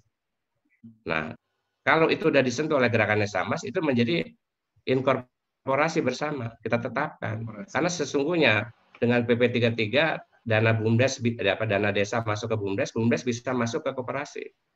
Kemudian koperasi juga harus bukan koperasi yang konglomerasi. Koperasi ya. itu harus open. Koperasi anggotanya adalah seluruh warga desa. Kalau BUMDes nanti profit menghasilkan PADES, kalau BUMDes masuk kepada kooperasi-kooperasi membuat apa, sisa hasil usaha, maka sisa hasil usahanya bisa dinikmati oleh semua bersama. Itu yang kita sebut pilar pertama. Pilar kedua itu adalah bina saudara dan juga organisasi atau institusi. Kita minta tadi yang sebut BUMDesnya harus ada, kooperasinya ada, kelompok usaha bersamanya harus menjadi satu kesatuan. Yang ketiga ini yang paling mahal ini, bina sinergi. Ya, jadi antar kelompok usaha bersama itu harus sinergi dan juga dengan desa yang lain, nanti dengan daerah, bahkan dengan usaha besar di luar negeri. Khususnya bina sinergi dan teknologi. Makanya kita mendapatkan teknologi. Kenapa kami bisa menggait investor-investor besar ya? Bahkan maaf ya, investor yang di Kalimantan Selatan itu dia kalau datang ke sini pakai private jet. Meeting saya di Halim kalau kita ninjau ke Kalimantan Selatan, saya dijemput pakai private jet lalu sana. Hanya karena COVID hmm. saja. Yeah. Kenapa? Karena kami menawarkan tiga hal yang disukai oleh investor. Pertama, yeah. nggak perlu lahan. Lahan biar dimiliki oleh desa atau kooperasi atau para uh, petaninya. Okay. Jadi, you nggak usah investasi itu. Kedua, perizinan. Percayalah, maaf, nggak nggak akan dipalakin oleh para pejabat. Kenapa? Yeah karena yang mengajukan itu adalah bumdes bersama atau koperasi. Ya masa kooperasi atau bumdes mau dipalakin kan nggak mungkin lah. Ya, jadi secara legal kita bisa ngurus itu. Dan kita pernah ada hambatan-hambatan, tapi begitu yang masuk adalah teman-teman kooperasi itu langsung lancar. Nah yang ketiga, yang penting dan paling terpenting, mereka sibuk dengan yang namanya pekerja bisa demo, bisa ini itu. Kita bilang nggak perlu, karena ini kita outsourcing pada kooperasi. Ini kan sifatnya ya. agro ya. Jadi ya, dia ya. nggak perlu, dia cuma bayar pada kooperasi yang ngajain itu semua. Nah, apa yang ya. kita minta dari mereka? Satu adalah teknologinya. Yang kedua adalah pendanaannya. Mereka mendanai 100% loh Mas Arvin. Tapi dengan ya. pola tiga pola kita. Pola pertama mereka 75 eh apa 70 30. Mereka 70. Okay. Karena mereka yang ngeluarin uang. Tapi lima tahun kedua ya buyback agreement melalui sisa susah di angka sudah 5149. Oke. Okay. Desa yang 51 dia 49. Nah, itu primary-nya. Tapi untuk secondary-nya, yang olein misalnya, itu desa dan koperasi hanya 30 persen. Tapi bayangkan, kalau ada pabrik-pabrik itu yang tadi dibilang triliunan, maka bisa. Nah, ini juga menyebabkan jawaban dari pertanyaan saya, kenapa konglomerat kita, usaha besar kita nggak mau seperti itu. Karena dia nggak perlu itu. Dia bisa bayar pejabat kita, dia bisa bayar. Kalau yang dari luar negeri kan enggak. Jadi kita ini gabungan desa gabungan kooperasi desa, gabungan BUMDes ini adalah godfather untuk para investor dari luar. Sepanjang investor dari luar itu mau ikut aturan kita bahwa dia ini nenamu. Jadi saya mengatakan, you nggak usah berpikir uh, serakah daripada 100% you memiliki saham di Indonesia cuma profitnya satu triliun, mendingan you 30 persen, kami 70 persen, tapi profitnya seribu triliun gitulah kira-kira. Nah, okay. mereka kan orang-orang pintar mau aja. Jadi yeah. sebenarnya simpel kalau semuanya mengikuti aturan dan semua ada bagiannya. Poinnya adalah cuma satu. Di Indonesia itu berbeda pendapat sebetulnya nggak ada masalah. Yang nggak boleh itu berbeda pendapatan, Mas. Yeah. Karena itu kita ngatur pendapatannya harus win-win semua. Barangkali ya. itu jawabannya. Ya. Terima kasih Pak Pak Aris. Ya, jadi saya melihat bahwa apa kunci pentingnya adalah inkorporasi desa itu sendiri, termasuk mengajak uh, investor-investor membangun desa bersama. Tapi tentunya juga harus kita kemas bahwa desa itu sangat menarik untuk investor. Itu saya rasa juga menjadi sebuah uh, poin penting juga. Ya. Itu yang paling penting, Mas. Ya. Bahwa desa nah. nggak bakal nipu mereka. Siap. Nah, ya ini saya kasih kesempatan kepada rekan-rekan Pak Naindra dan Perbekal untuk bertanya dulu kepada Pak Aris ya sebelum masuk ke talk show uh, kawan-kawan Pak Naindra dan Pak Perbekal ya dari uh, mungkin Pak Naindra Perbekal Perbekal dulu ya atau Pak Perbekal tidak kelihatan ada per, Pak, Perbekal Pak Wayan Pak Wayan selamat siang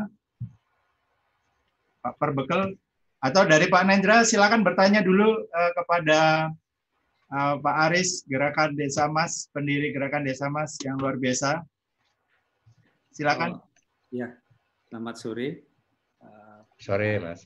Ya, kalau sisi saya sih clear sekali apa yang tadi disampaikan dan memang kalau di forum ini kita punya visi yang sama sebenarnya kan gitu ya Pak Aris. Betul, betul. Nah, kebetulan saya juga bergerak di sisi uh, teknologi juga di sistem platform. Ya sebenarnya apa yang kita, saya bangun juga untuk Bali hampir mirip dengan itu. Nah ini Ki, kalau saya lihat ini luar biasa. Uh, ke depan ini sangat bisa kita bersinergi, ya kan? Karena memang uh, Desa Emas ini kalau melihat kan visinya uh, apa sudah ada benchmark dan memang itu bisa di, dilakukan dan kita bisa meniru negara-negara yang sudah berhasil. Nah, kalau dari sisi saya juga kemarin kita membangun beberapa platform dengan tujuan yang sama. Jadi sebenarnya intinya adalah kedaulatan ekonomi kerakatannya. Karena kita lihat sekarang kan seperti Pak Arif bilang, ini sebenarnya eh, apa namanya pemiliknya atau di platform digital segala macam ini nggak ada orang Indonesia sebenarnya kan begitu. Jadi semua luar punya, tapi intinya kalau kita bisa bersinergi, bisa mengambil manfaatnya, nah itu akan bisa bersinergi. Nah, kalau saya lihat intinya ke depannya adalah bagaimana membangun desa secara ekosistem dan terintegrasi baik dari hulu sampai hilirnya.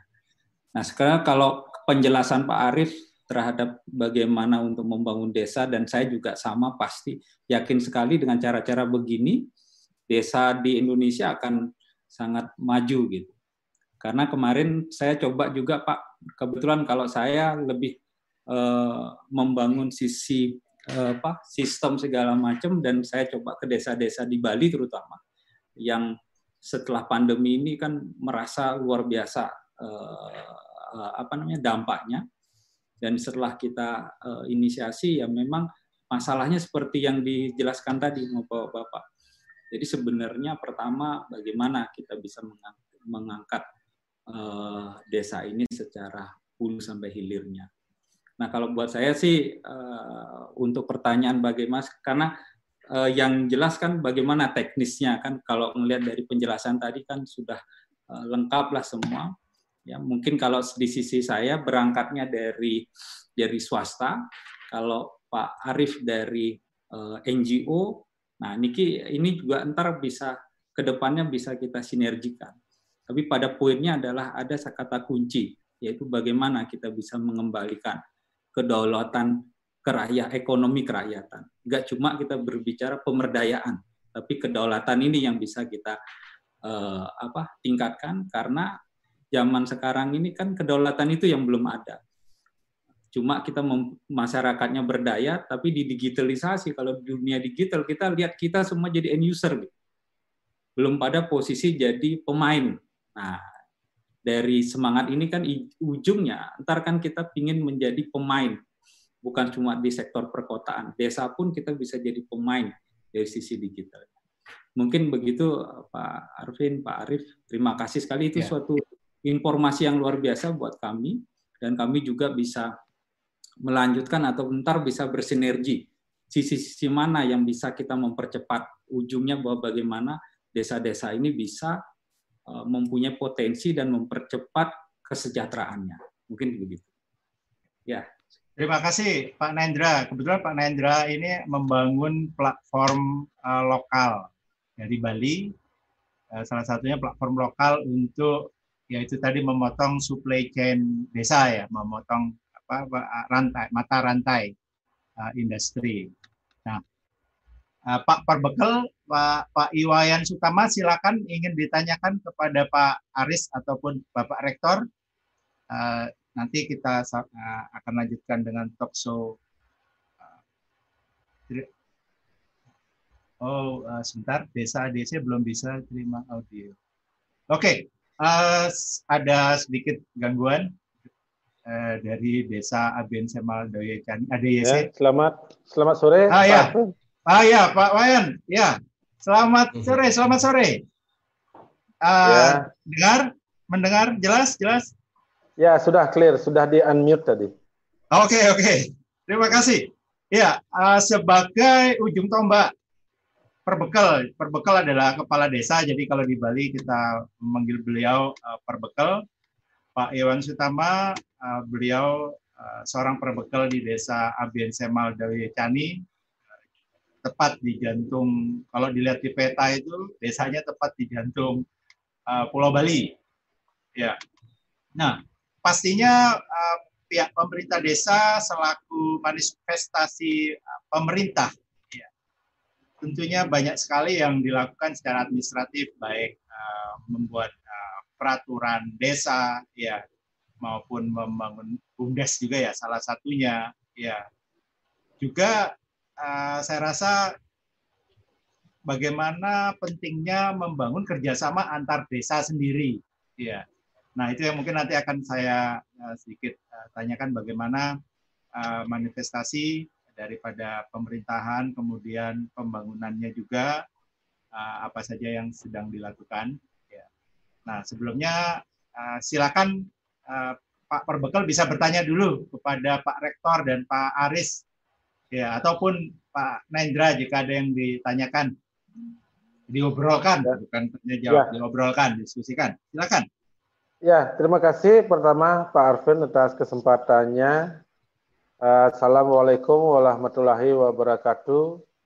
Salam sejahtera bagi kita semua. Uh, Om Swastiastu, Namo Buddhaya. Ya, izinkan ya kami dari Desa Bian Semal Cani pertama ya menyampaikan apresiasi dan terima kasih banyak kepada Bapak Arvin dari tim Bollywood yang sudah memediasi sehingga kita bisa ikut gabung dalam acara ya TV Desa. Yang sangat kami hormati tadi ada Bapak Sekjen Kementerian Desa. Ya. Uh, mungkin ada kawan-kawan juga Kementerian Desa di sini. Ya, sudah mendahului dan di, dilanjutkan dengan tim ya yang kami hormati tim Kementerian Desa yang masih setia bersama kita. Yang sangat kami hormati Eh, Bapak Rektor, ya Bapak Rektor Stikom, sekaligus kami mengucapkan banyak terima kasih yang sudah menempatkan ya SMK Padawa Global Bali dan Stikom sendiri di desa kita di desa Bian Semaleucani yang tentu saja nanti akan sangat bermanfaat di dalam membangun sumber daya manusia kita di desa. Dan yang sangat kami hormati Bapak Direktur atau pendiri ya Bapak Aris Mukti dari uh, Gerakan Desa Mas dan yang kami hormati Bapak Surya ya dari TV Desa. Kalau saya nggak salah. Surya. Ya, ya terima betul, kasih betul. atas kesempatannya kita bisa nongol dan tetap buka di sini. Dan uh, dari tim Bali Woodland uh, ya. yang tidak bisa kami sebutkan, yang sangat kami hormati. Siap. Jadi eh, banyak hal yang bisa kami simak tadi dan eh, sangat ya memotivasi ya kami selaku kepala desa bagaimana untuk membangun desa itu. Dari Pak Haris tadi ya eh, memaparkan ya eh, tentang gerakan desa emas, bagaimana sebuah desa di Korea yang sebelumnya dikatakan negara Korea itu nomor dua termiskin dan sekarang bisa menjadi negara maju itu semua diawali dari desa. Nah, jadi konsep itu mungkin yang diadopsi oleh Bapak Presiden kita, Bapak Jokowi, sehingga membangun Indonesia dari desa. Nah, uh, seandainya tidak COVID ini, khusus kepada Pak Haris, kami sangat tertarik sekali dengan gerakan desa Marsnya kalau tidak COVID, ya mungkin kita akan usahakan bekal secara mandiri dan langsung terbang ke Jakarta ingin bertatap muka, mendapat banyak ilmu dari Bapak Haris terkait dengan gerakan Desa Mas. Karena ada poin-poin tadi yang disampaikan ya yang sangat menarik yang kami ingin lebih jauh untuk memahami dan uh, walaupun sebagian kecil tadi kami pahami, tetapi sangat besar memotivasi kami selaku kepala desa untuk membangun di desa, Pak Aris. Jadi bagaimana sesuai dengan uh, slogan kita ya di Desa Biang Semaldew Cani yaitu uh, membangun ya sumber daya manusia untuk menuju Desa Biang Semaldew Cani yang maju mandiri. Nah, semboyan itu sangat uh, tepat sekali ya sangat uh, pas tadi disampaikan oleh Pak Aris uh, melalui gerakan desa masnya. Jadi uh, itu mungkin nanti yang uh, ingin uh, lebih banyak kami uh, dapatkan ya dari gerakan desa mas apakah melalui tatap muka langsung ya kita uh, ataupun melalui kesempatan yang lain sehingga di dalam membangun desa itu ya benar-benar ya bisa secara terpadu kita lakukan. Nah, di sini kita di Desa Biang Semaldeu Cani eh, ketika eh, konsep pemberdayaan di dalam membangun sumber daya manusia untuk desa yang maju dan mandiri, ketika kami mempunyai konsep pemberdayaan eh, masyarakat untuk membangun sebuah desa wisata, jadi ketemu dengan konsep Bollywood Land. Ya, the Bollywood Land uh, yang mana sinergi antara dunia digital itu dengan kekayaan aset budaya yang kita punya yang di desa. Sehingga dengan konsep Dewi dan Dedi atau desa wisata itu melalui desa digitalnya bisa bersinergi, kami yakin ya eh, apa yang disampaikan Bapak Aris tadi, Pak Aris Mufti itu bisa cepat terwujud desa yang maju dan mandiri. Sebab ya kami mungkin agak uh, uh, keras di dalam berkomunikasi dengan uh, konsep Bali Woodland, bagaimana sektor uh, masyarakat atau pemberdayaan ya, empowerment uh, dari masyarakat itu menjadi kunci utama di dalam membangun sebuah desa wisata atau melalui desa uh, digitalnya. Nah itu kata kuncinya sehingga kami ucapkan banyak terima kasih kepada Bapak Arvin selaku penggagas Bollywood Land-nya karena konsep kita itu bisa diterima dan sudah ditindaklanjuti dengan membina masyarakat kita di desa ya memberdayakan masyarakat kita melalui pembinaan-pembinaan skill terkait kesiapan kita untuk menjadi desa film. Ya seperti ya membina melalui TOT ya eh, bagaimana untuk menjadi sebagian dari kru film ya bagaimana salon-salon yang sudah ada di desa dimaksimalkan skillnya sehingga mampu menjadi salon yang uh, make up karakter film. Ya, bagaimana sangar-sangar film, eh, sangar-sangar seni di desa kita yang sudah ada itu ditingkatkan, ditransformasi sehingga menjadi uh, sangat uh, sangar aset uh, budaya film. Nah itu sudah banyak dilakukan.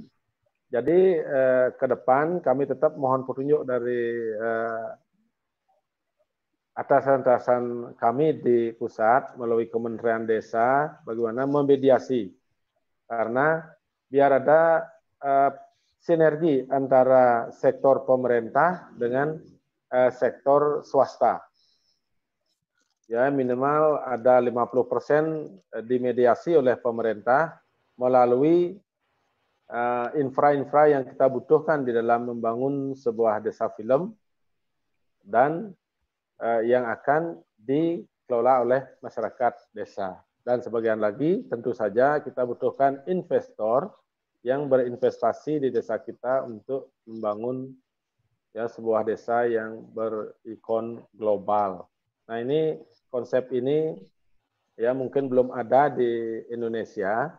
Uh, itu yang ingin ya kita terus kembangkan dan mohon supportnya dari Pak Aris Munan uh, Aris Mufti melalui gerakan ya melalui gerakan desa masnya itu saya sangat uh, tertarik sekali. Mudah-mudahan kita terus bisa berkomunikasi dan terus mohon petunjuk sehingga apa yang kita cita-citakan bersama apa yang kami mimpikan di desa ya bisa menjadi kenyataan yaitu desa Bollywood atau desa Biang Semaldo Cani menjadi desa maju yang mandiri dan akan berimas kepada desa-desa yang lain yang ada di Bali dan di Indonesia tentunya.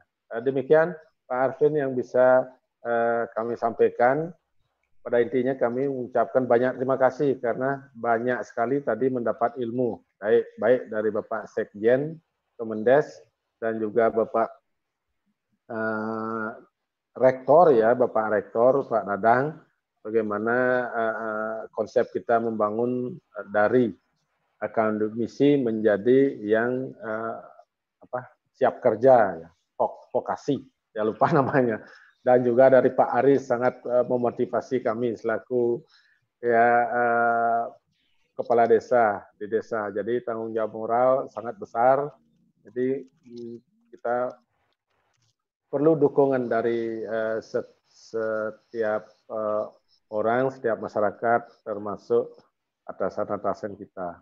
Uh, demikian Pak Arvin yang bisa kami sampaikan kami ucapkan ya banyak terima kasih waktu kami akan kembalikan. Ya.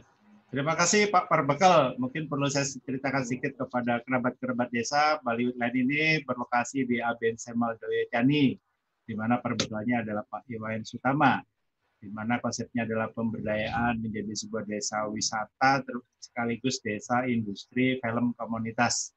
yang ada di Indonesia. Kita membangun uh, berbasis alam, Eco Film Park, jadi tidak merusak alam uh, untuk wisata filmnya dan juga mengkonfirm, uh, mentransformasi sanggar-sanggar budaya di desa menjadi sanggar-sanggar aset produksi film dan juga banyak kegiatan-kegiatan lainnya beraktivitas terkait bidang film. Nah, uh, Balitland ini uh, bisa lebih lanjut dilihat di bollywood.id atau bollywoodland.com. Uh, terima kasih juga kepada TV Desa acara hari ini. Jangan lupa nanti setiap hari Selasa ya kita lanjut ada Talk with Arvin setiap pukul 14 setiap hari Selasa Wita atau jam 1 uh, Jakarta di siaran langsung uh, eh, TV Desa di satelit Merah Putih dan satelit Nusantara, Telkom dan Indosat ya. Uh, dan juga bisa di, dilihat aplikasi di aplikasi Kubo di download aja di Play Store. Di situ uh, streamingnya sama dengan satelit dan juga ada di channel YouTube TV Desa On Terus. Jangan lupa uh, saksikan. Uh, kita akan membahas banyak uh, banyak hal bagaimana membangun desa-desa Nusantara ke depan. Nah, uh, sebelumnya saya juga ingin uh, melanjutkan ada pertanyaan ini mungkin langsung ya uh, dari Mbak atau Pak Nauf, Pak Naufal atau Mbak Naufal ini dari uh, UIN Sunan Kalijaga ingin bertanya kepada Pak Aris atau mungkin bisa dibuka langsung ya kepada uh, operator mungkin bisa dibantu. Pak Naufal dari uh, UIN Sunan Kalijaga ingin bertanya khusus ingin bertanya kepada Pak Aris. Ya. Ya, silakan. Silakan Pak uh, Pak Naufal. Terima kasih. Audionya silakan dibuka. Ya, ya silakan. Uh, Bapak-bapak dan ibu-ibu, uh, senang untuk berpartisipasi di acara ini. Uh, kelihatannya saya Sama. paling muda di situ, Pak. Oh ya. Kemudian sama saya juga ya. paling muda. silakan, Gini, silakan. Apa yang ditanyakan? Saya uh, akhir November nanti baru saja wisuda S1 dari jurusan Ilmu Hukum. Iya, Kemudian ya, ya. dengan pemerintahan desa. Akhirnya skripsi saya berjudul Pengentasan hmm. Kemiskinan melalui Dynamic Governance di Desa Ponggok, Jawa Tengah gitu kan. Oke, okay, oke. Okay. Saat itu dynamic governance ini kan dari Singapura dari Prof Neo Bonsiong teorinya hmm. itu. Iya, Kemudian yeah. ini saya sudah sampai pilihan untuk melanjutkan studi atau ke jenjang lapangan, ke praktik lapangan gitu Pak. Nah, di yeah. sini saya mempertimbangkan ingin menjadi praktisi terlebih dahulu. Nah, saat bagus, ini bagus pas bertemu dengan TV Desa dengan Pak Aris. Kemudian di Jogja ya ada Pak Sutoro Eko, ada Pak Anom Surya, ada Pak Kepala Desa Ponggok. Nah di sini saya tertarik dengan gerakan desa emas yang dirintis oleh Pak Aris gitu. Ya saya berharap bisa menimba ilmu dan pengalaman dengan desa emas dengan Pak Arif. Nah bagaimana cara berkomunikasi dengan beliau ini Pak gitu. Oke, pertanyaannya?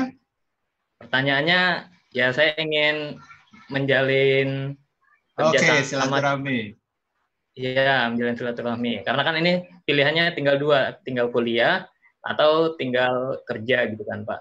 Kalau untuk lanjutan studi, saya baru rencanakan satu atau dua tahun ke depan ya di bidang uh, development atau di bidang desa gitu, Pak. Ya, terima kasih. Terima kasih. Uh, Pak Naval. Ya, saya tadi saya pikir tadinya Mbak ya ya uh, lulus dalam skripsi tentang uh, pengembangan uh, desa dalam aspek uh, hukum ya. Terima kasih. Ya, nanti kita akan tidak lanjuti bagaimana bisa uh, menjadi sebuah praktisi desa ya, di desa desa, uh, desa emas, bisa juga desa Bollywood. Ya, uh, saya ingin kembali sebentar kepada uh, kawan kita dari Bali, ya, Mas Nendra. Mas Nendra, Mas Hendra, eh, kira-kira apa challenge-nya pada saat membangun platform uh, berbasis uh, supply chain tadi, bagaimana memotong mata rantai? Tentunya ini kan platform yang sangat kompleks ya, karena kita melihat industrinya kan macam-macam nanti tidak hanya agro industri tapi juga bahkan ada desa uh, menurut Tajuk Karin ada desa digital, desa wisata. Tentu dengan kompleksitas ini apa challenge-nya uh, membangun uh, platform berbasis desa ini? Silakan Pak Nendra. Oke. Okay. Hmm. Uh, dari apa yang kita bangun kemarin, uh, sebenarnya kan platform itu aja hanya tool mungkin tadi seperti Pak Arief bilang bahwa pertama itu adalah karakter dari tokoh-tokohnya. Jadi siapa okay. Sebenarnya. Jadi challenge-nya bukan di platformnya, tapi challenge-nya bagaimana tokoh-tokoh di desa ini bisa paham atau apa tujuan untuk menggerakkan uh, desanya. Jadi sebenarnya okay. challenge-nya uh, ada di uh, pelakunya, SDM-nya. Karena kebetulan yang kita gagas ini di beberapa desa di Bali, ya kan, tapi yang pertama adalah uh, dari unsur pengurus desanya. Apakah okay. mereka ingin berubah, ingin melakukan sesuatu untuk masyarakatnya? Karena memang benar masalahnya sebenarnya kan terletak pada sisi manajemen dan ekosistem dari. Ya. uh, uh, desanya itu. Yang sekarang menjadi masalah kan semua bergerak secara uh, parsial, bukan secara integrasi. Yeah. Makanya Eh, pemahamannya yang pertama adalah kata kuncinya mengintegrasikan tapi dengan karakter. Nah, yang kita lakukan kemarin karena Bali ini sangat unik, eh, mungkin akan beda dengan daerah yang lain. Kalau yeah. daerah yang lain di Bali ini ada desa dinas dengan desa adat. Nah, ini uniknya. Okay. Dari desa adat dengan desa dinas ini mempunyai fungsi yang berbeda dan yeah. dipayungi hukum juga bersama-sama. Mengenai bisnisnya ada bumdes, ada ada ada bumda gitu. Nah, sebenarnya ini juga potensi menjadi akar permasalahan. Nah, itu salah satu challenge di mana di lapangan sebenarnya bicara ekonomi ini ter, ter, terpecah jadi dua. Ya. Nah, di, di sinilah challenge-nya kita bagaimana bisa mempersatukan menjadi satu kepentingan dan memang benar-benar menjadi kemandirian. Jadi bagaimana okay. uh, eh, sisi kemandirian kita benar-benar kalau Bali ini kita kenal dengan istilah taksu. Nah, ya. bagaimana yeah. taksu ini Bali ini bisa bersinar dengan karakter atau totalitas dari setiap orangnya, kejujurannya segala macam. Terus ditambah dengan sistem yang terintegrasi yang seperti uh, kemarin di eh yang seperti tadi dijelaskan Pak Arief seperti yeah. SAP, seperti terukur semua di termonitoring. Nah, itu akan menjadi memperkuat desa. Tapi tetap okay. kata kuncinya ada di tokoh-tokohnya atau masyarakatnya. Nah, memang challenge di sini bukan dari sisi platformnya, tapi di sini dari orangnya, Mas. Jadi ya. sebenarnya itu yang menjadi pendekatan utama. Kalau bicara sistem mungkin banyak akan bisa platform-platformnya bisa orang buat gitu, ya kan? Tapi sebenarnya kembali ke karakternya. Makanya ya. kalau uh, saya khusus kemarin meriset yang di Bali ini seperti apa sih? Karena memang agak beda setiap desa mempunyai karakter yang berbeda-beda. Dan ya. kalau uh, fokusnya di kita sini adalah bagaimana kearifan lokalnya yang diangkat. Karena kalau ya. kita pahami Bali ini menjadi jendela dunia. Tapi yang jadi masalah pintunya bukan kita yang pegang, Mas. Ya, ya. jendelanya jadi orang ngelihat tapi pintunya orang lain. Orang luar yang yang bermain di situ. Sebenarnya kan kalau kita lihat dari sisi uh, digital Bali ini tanah kosong yang memanfaatin semua bukan orang orang lokalnya atau orang uh, ya. rakyat Makanya kemarin kita concern di sisi itu bahwa yang paling penting bahwa bagaimana kedaulatan kerakyatan dari desa baik itu desa adat atau desa dinas ya bisa mengemas kearifan lokalnya untuk benar-benar diangkat secara spesifik. Karena mereka karena di sini kata kuncinya. Bali bisa menjadi suatu magnet yang luar biasa itu bukan karena alam atau uh, yang lain tapi sebenarnya itu dari ketotalitasan Makanya di Bali ada maestro, ada segala dan itu sekarang hilang. Nah ini yang kita akan uh, berusaha membalikkan itu. Ya kalau platformnya okay. segala macam itu hanya sebagai tool seperti. Oke. Okay. Terima kasih Pak Nendra, terima kasih. Uh, sebelum kita eh, tidak terasa waktu sudah hampir dua jam sebelum kita memberikan uh, ruang kesimpulan kepada para rekan-rekan narsum terhormat hari ini. Ini ada pertanyaan terakhir untuk uh, Pak Perbekal. Eh, tadi akan saya sambung uh, sekilas dari Pak Naindra bahwa uh, yang penting adalah juga keterlibatan uh, SDM dan pemikiran SDM sendiri. Nah, terutama di desa sebagai ujung tombak. Di desa uh, yang saya tahu ada seperti DPR-nya desa atau Badan Permusyawaratan Desa. Ya, eh, bukan gitu Pak Perbekal ya, BPD ya. BPD. Nah, bagaimana melibatkan peran aktif BPD dan juga kerjasama antar desa karena sinergisitas menjadi poin penting menuju sebuah desa industri. Mungkin itu saja pertanyaannya. Mohon singkat waktu hampir habis. Terima kasih Pak Perbekal. Ya. Pak Perbekal. Mohon nanti kesimpulan uh, pihak dari ya. uh, Kementerian Desa dan mewakili juga. Ya, silakan Pak Perbekal. Uh, ya, terima kasih. Uh, di sini kita ada BPD, ya Badan Permusyawaratan ya. Desa. Jadi uh, sangat membantu kita di dalam uh, pemerintahan desa karena tidak saja hanya mengawasi ya, jalannya pelaksanaan APBDes, uh, tetapi juga aktif di dalam menyerap aspirasi di masyarakat. Siap, siap. Okay. Ya, karena BPD itu seperti disampaikan tadi mirip dengan DPR yaitu perwakilan dari kalau di Bali itu ada banyar atau dusun atau mungkin rukun warga uh, okay. di, di di luar ya. Jadi setiap banyar itu mereka punya perwakilan yang duduk di BPD. Nah, itu tugasnya ada mengawasi jalannya pelaksanaan APBDes dan okay. sekaligus ya menyerap aspirasi dan menyalurkannya sehingga ketika ada musyawarah uh, khusus desa ataupun musyawarah desa dan rapat-rapat yang kita lakukan di desa jadi ada sinergi apa yang memang dibutuhkan oleh masyarakat dan apa yang kita uh, dari pemerintah desa ingin sampaikan ke masyarakat. Itu ada uh, sinergisitas.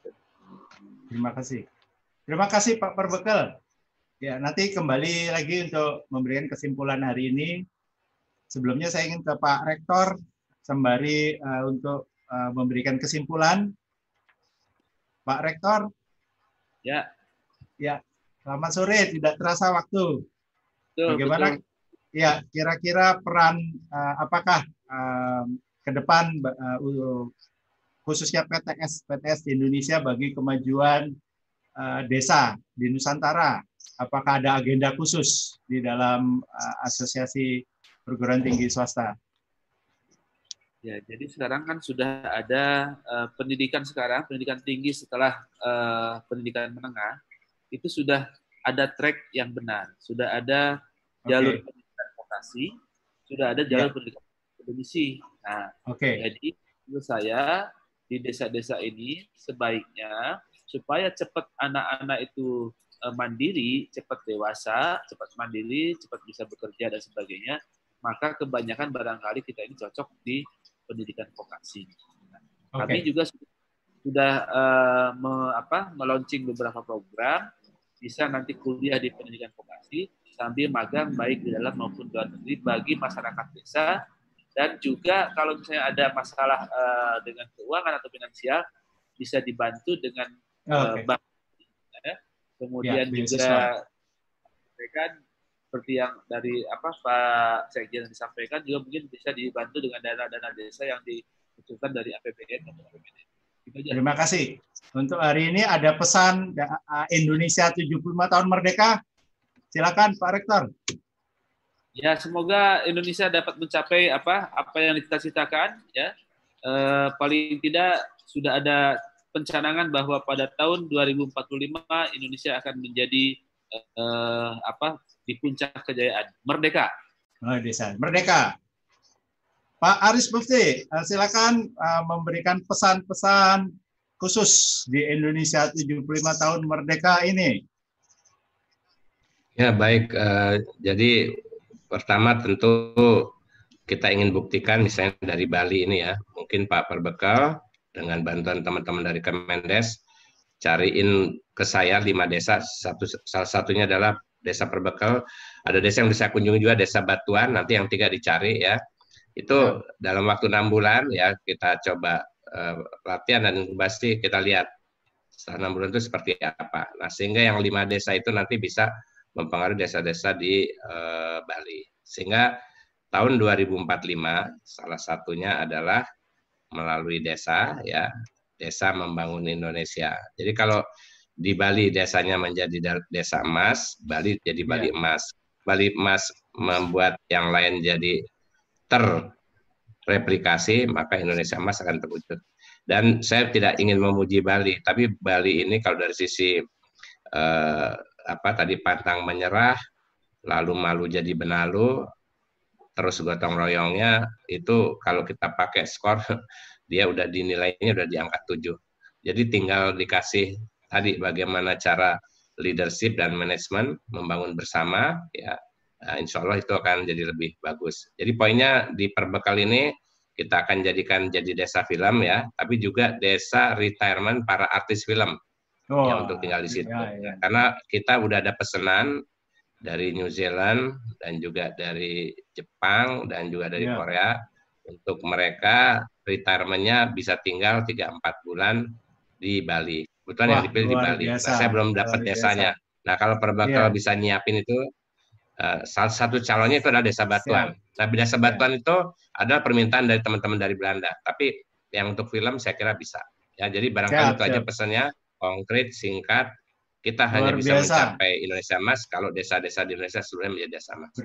Terima kasih. Terima kasih. Merdeka. Pak Aris Putih, merdeka, merdeka. Ya, kita uh, sekarang ke Pak Nendra mengenai kedaulatan ekonomi rakyat. Silakan pesan 75 tahun Indonesia Merdeka tahun perak ya. Silakan Pak Nendra. ya, yang penting dengan 75 tahun ini kita harus bersama-sama bangkit untuk mengembalikan kedaulatan ekonomi ini ke rakyat kita semua dan kita yang memang eh, mempunyai kemampuan harus bersinergi dan mengkolaborasi dari semua apa yang menjadi cita-cita kita bersama. Merdeka. Merdeka. Ya, Pak Perbekal desa namanya cukup panjang, Desa Abian Semal Dawya Cani. Uh, simpelnya Desa Bollywood ya. Silakan pesan-pesan Indonesia 75 tahun.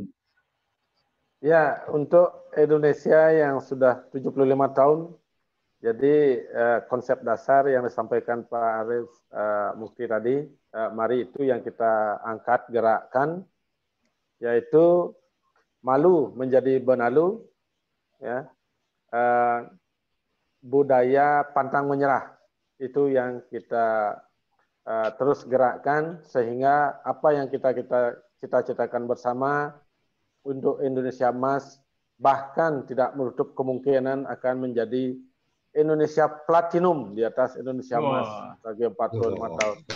Ya, ya, keren, keren. Salam merdeka dari Salam Desa merdeka. Bollywood. Semoga apa yang kita cita-citakan bersama bisa kita wujudkan dan harus kita wujudkan. Terima kasih. Merdeka. Terima kasih merdeka. Pak Perbekal. Uh, mohon uh, dari perwakilan Kementerian Desa, apakah bisa memberikan wejangan penutup? Iya. Pesan, pesan untuk Indonesia 75 tahun. Tadi ada ada beberapa rekan dari Kementerian hmm. Desa yang masih ada di sini. Silakan. Terima kasih. Ya, Pak Alvin, mohon maaf ini ya, sambil terima kasih. Mobil, ya. Siap, siap. Terima kasih. Ya. Silakan, Pak. Ya. Saya eh, PLT Kepala Biro Hukum Pak Alvin dan teman-teman Pak ya. Prof. Eh, Pak Farid. Seperti yang disampaikan oleh Pak Sekjen tadi, Iya. intinya ya. bahwa uh, di yang sekarang ini saatnya kita uh, apa masa pemerintah masyarakat uh, okay. baik pemerintah desa sampai pusat kita sama-sama dengan program dari pusat yang ada di uh, untuk masyarakat desa baik dari dana desa, kemudian ada program BUMDes dari Kementerian Desa. Mari kita manfaatkan bersama untuk uh, kemajuan masyarakat desa. Dan kita sekali lagi seperti yang tema kita kali ini mari kita gali potensi desa masyarakat desa saatnya desa yang maju jadi uh, kita harapkan uh, desa menjadi uh, apa tonggak uh, penguat untuk negara Republik Indonesia seperti arahan presiden terima kasih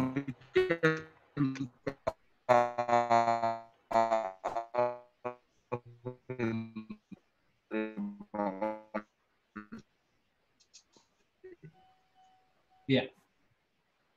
Terima kasih uh, Pak Farid atas pesan-pesannya dari Kementerian Desa mewakili Pak Sekjen yang sudah lebih dahulu uh, berpamitan. Uh, jangan lupa pada tanggal 11 September dari Desa Bollywood mengadakan Kongres uh, Film Dunia. Saat ini sudah diikuti oleh 22 negara, nanti akan terus lebih bisa dilihat informasinya di IG Bollywood ID.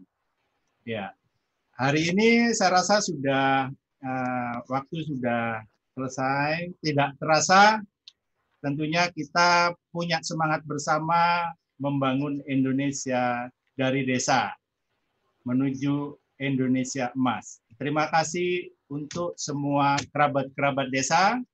Mohon maaf atas segala sesuatu jika ada yang uh, kurang dan kita sangat ingin bersama-sama memadukan pikiran ya melalui forum TV ini.